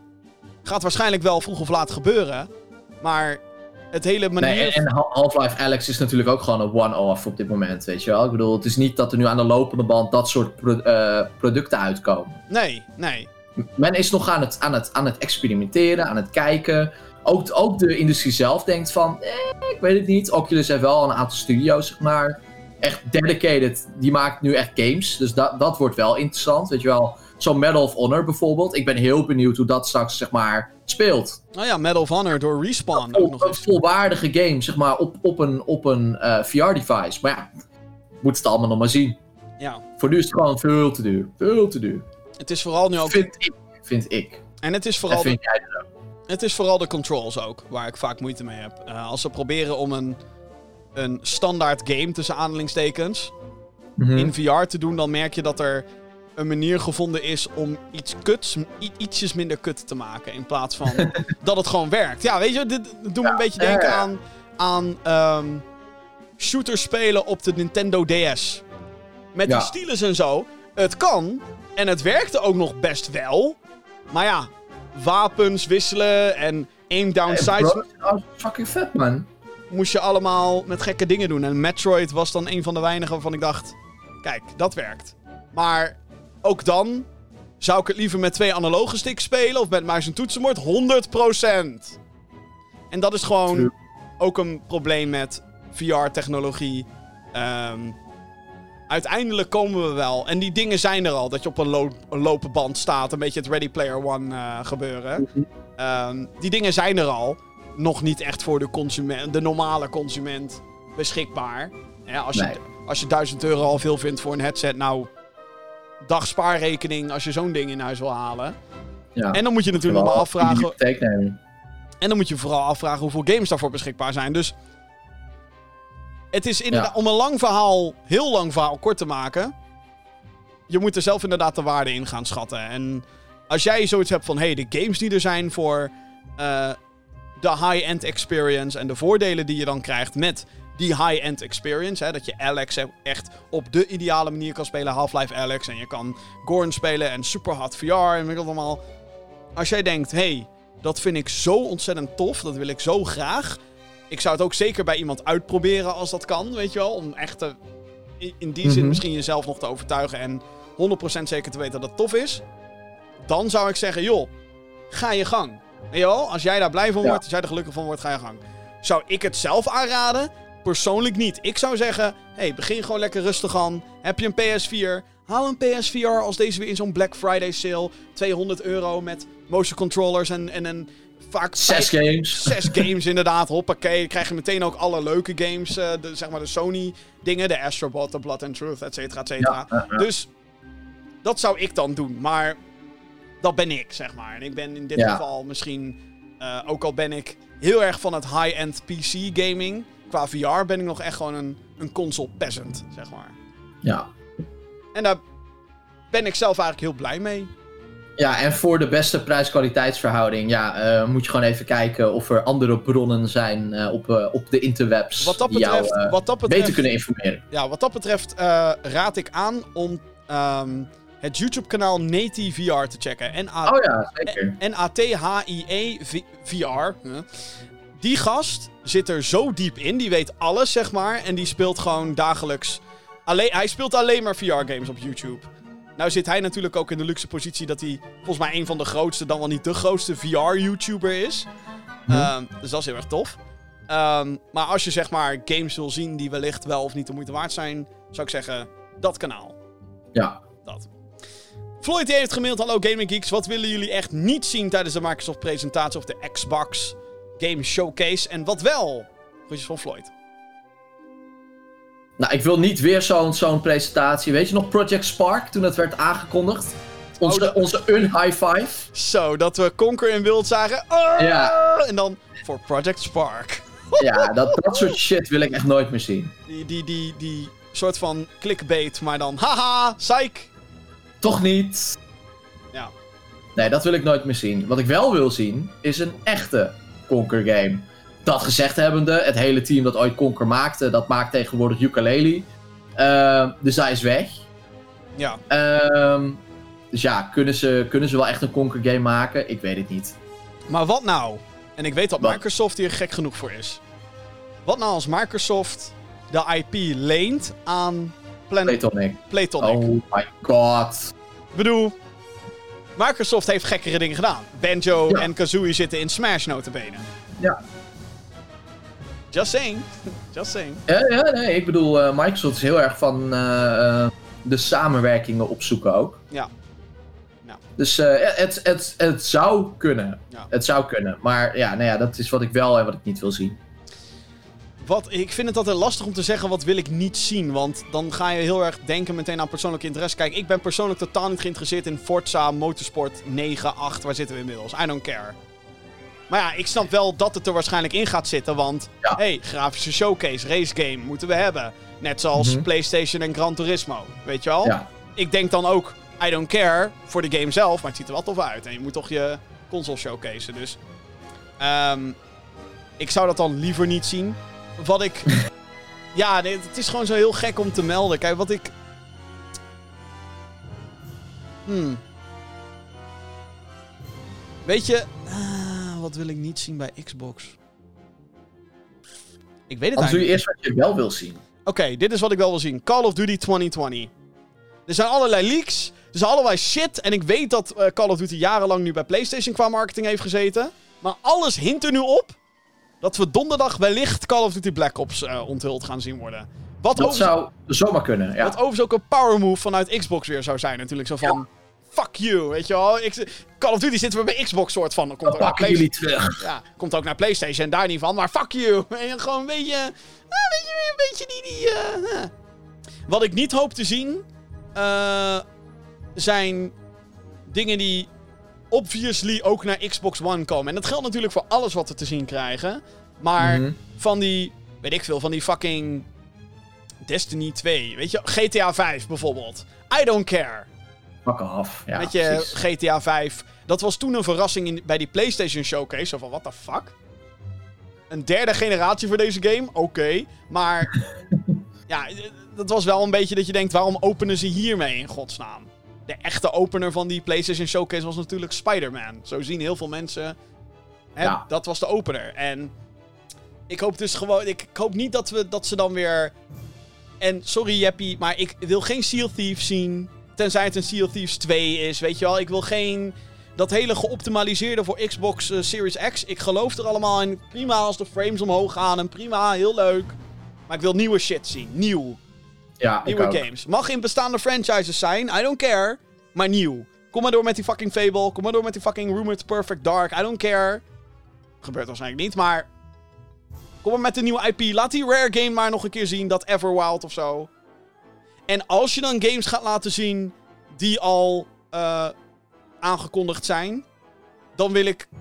Oké, dit is wat ik wil zien. Concreetheid. Wat wil ik niet zien? Geen concreetheid. Dat je niet van alle next-gen games een release datum kan geven, snap ik. Maar waag het is om nog een keertje fucking Tell Me Why van Doodnat in mijn gezicht te, gooien. Zonder release datum. Fuck off, oké? Ik wil gewoon een fucking release datum. Ik wil concreetheid. Als je een aangekondigde game laat zien, wil ik weten wanneer ik hem kan spelen. Punt. We zijn nu op zo'n fucking punt gekomen dat ik zoiets heb van...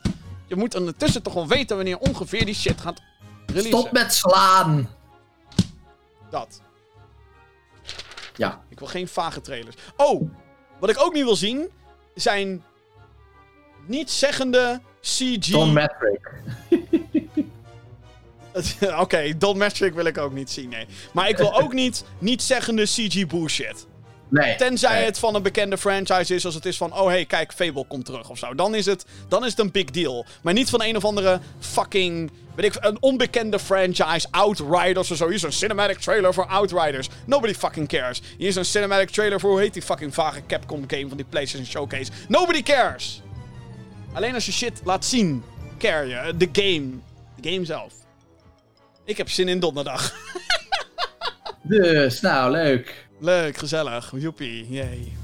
Hmm. En met dat mailtje zijn we aan het einde gekomen van deze aflevering van de Gaming Geeks podcast. Onthoud dat je deze show natuurlijk kan vinden in je favoriete podcast apps, zoals Google Podcast, Apple Podcast en Spotify. En de videoversie is te vinden op youtube.com slash gaminggeeksnl. En alles op één plek. Dat bestaat ook. gaminggeeks.nl. Waar je nu ook kan vinden... Fuck de wat met Jordi. Er is weer een nieuwe. Elke week komt er een nieuwe aflevering. En mijn unboxing van de glorieuze With Honor Ghost of Tsushima Collector's Edition. Hey. Ja. Ja. hij is wel vet. Hij is wel vet, hè? Ja, hij is wel vet. Hij is wel vet. Hij is wel vet. Tof. Ik heb hem zelf ook. En natuurlijk eh, meer video's. Ik ben bezig met een Halo Reach eh, video. Een video over eh, de Halo franchise. Noob Jimbo die in Halo gaat duiken. Maar of ik dat deze week afkrijg... ben me er niet aan vast, zeggen ze dan. Goed. Johan, fijn dat je er weer bij was vandaag. Ja, dat was hem weer. Lange ook weer, hè? Ja, Go- Ghost of Tsushima die heeft weer eh, veel te veel tijd eh, in beslag genomen. Maar ja, hè? Ah, Gamer Girl was weer heel kort. Ja, hè? daarom. Hè? Dus. Korte Rocky ook. Anyway, dit was de 139ste aflevering van de Gaming Geeks podcast. Bedankt voor het kijken en graag tot een volgende keer. Yes, later.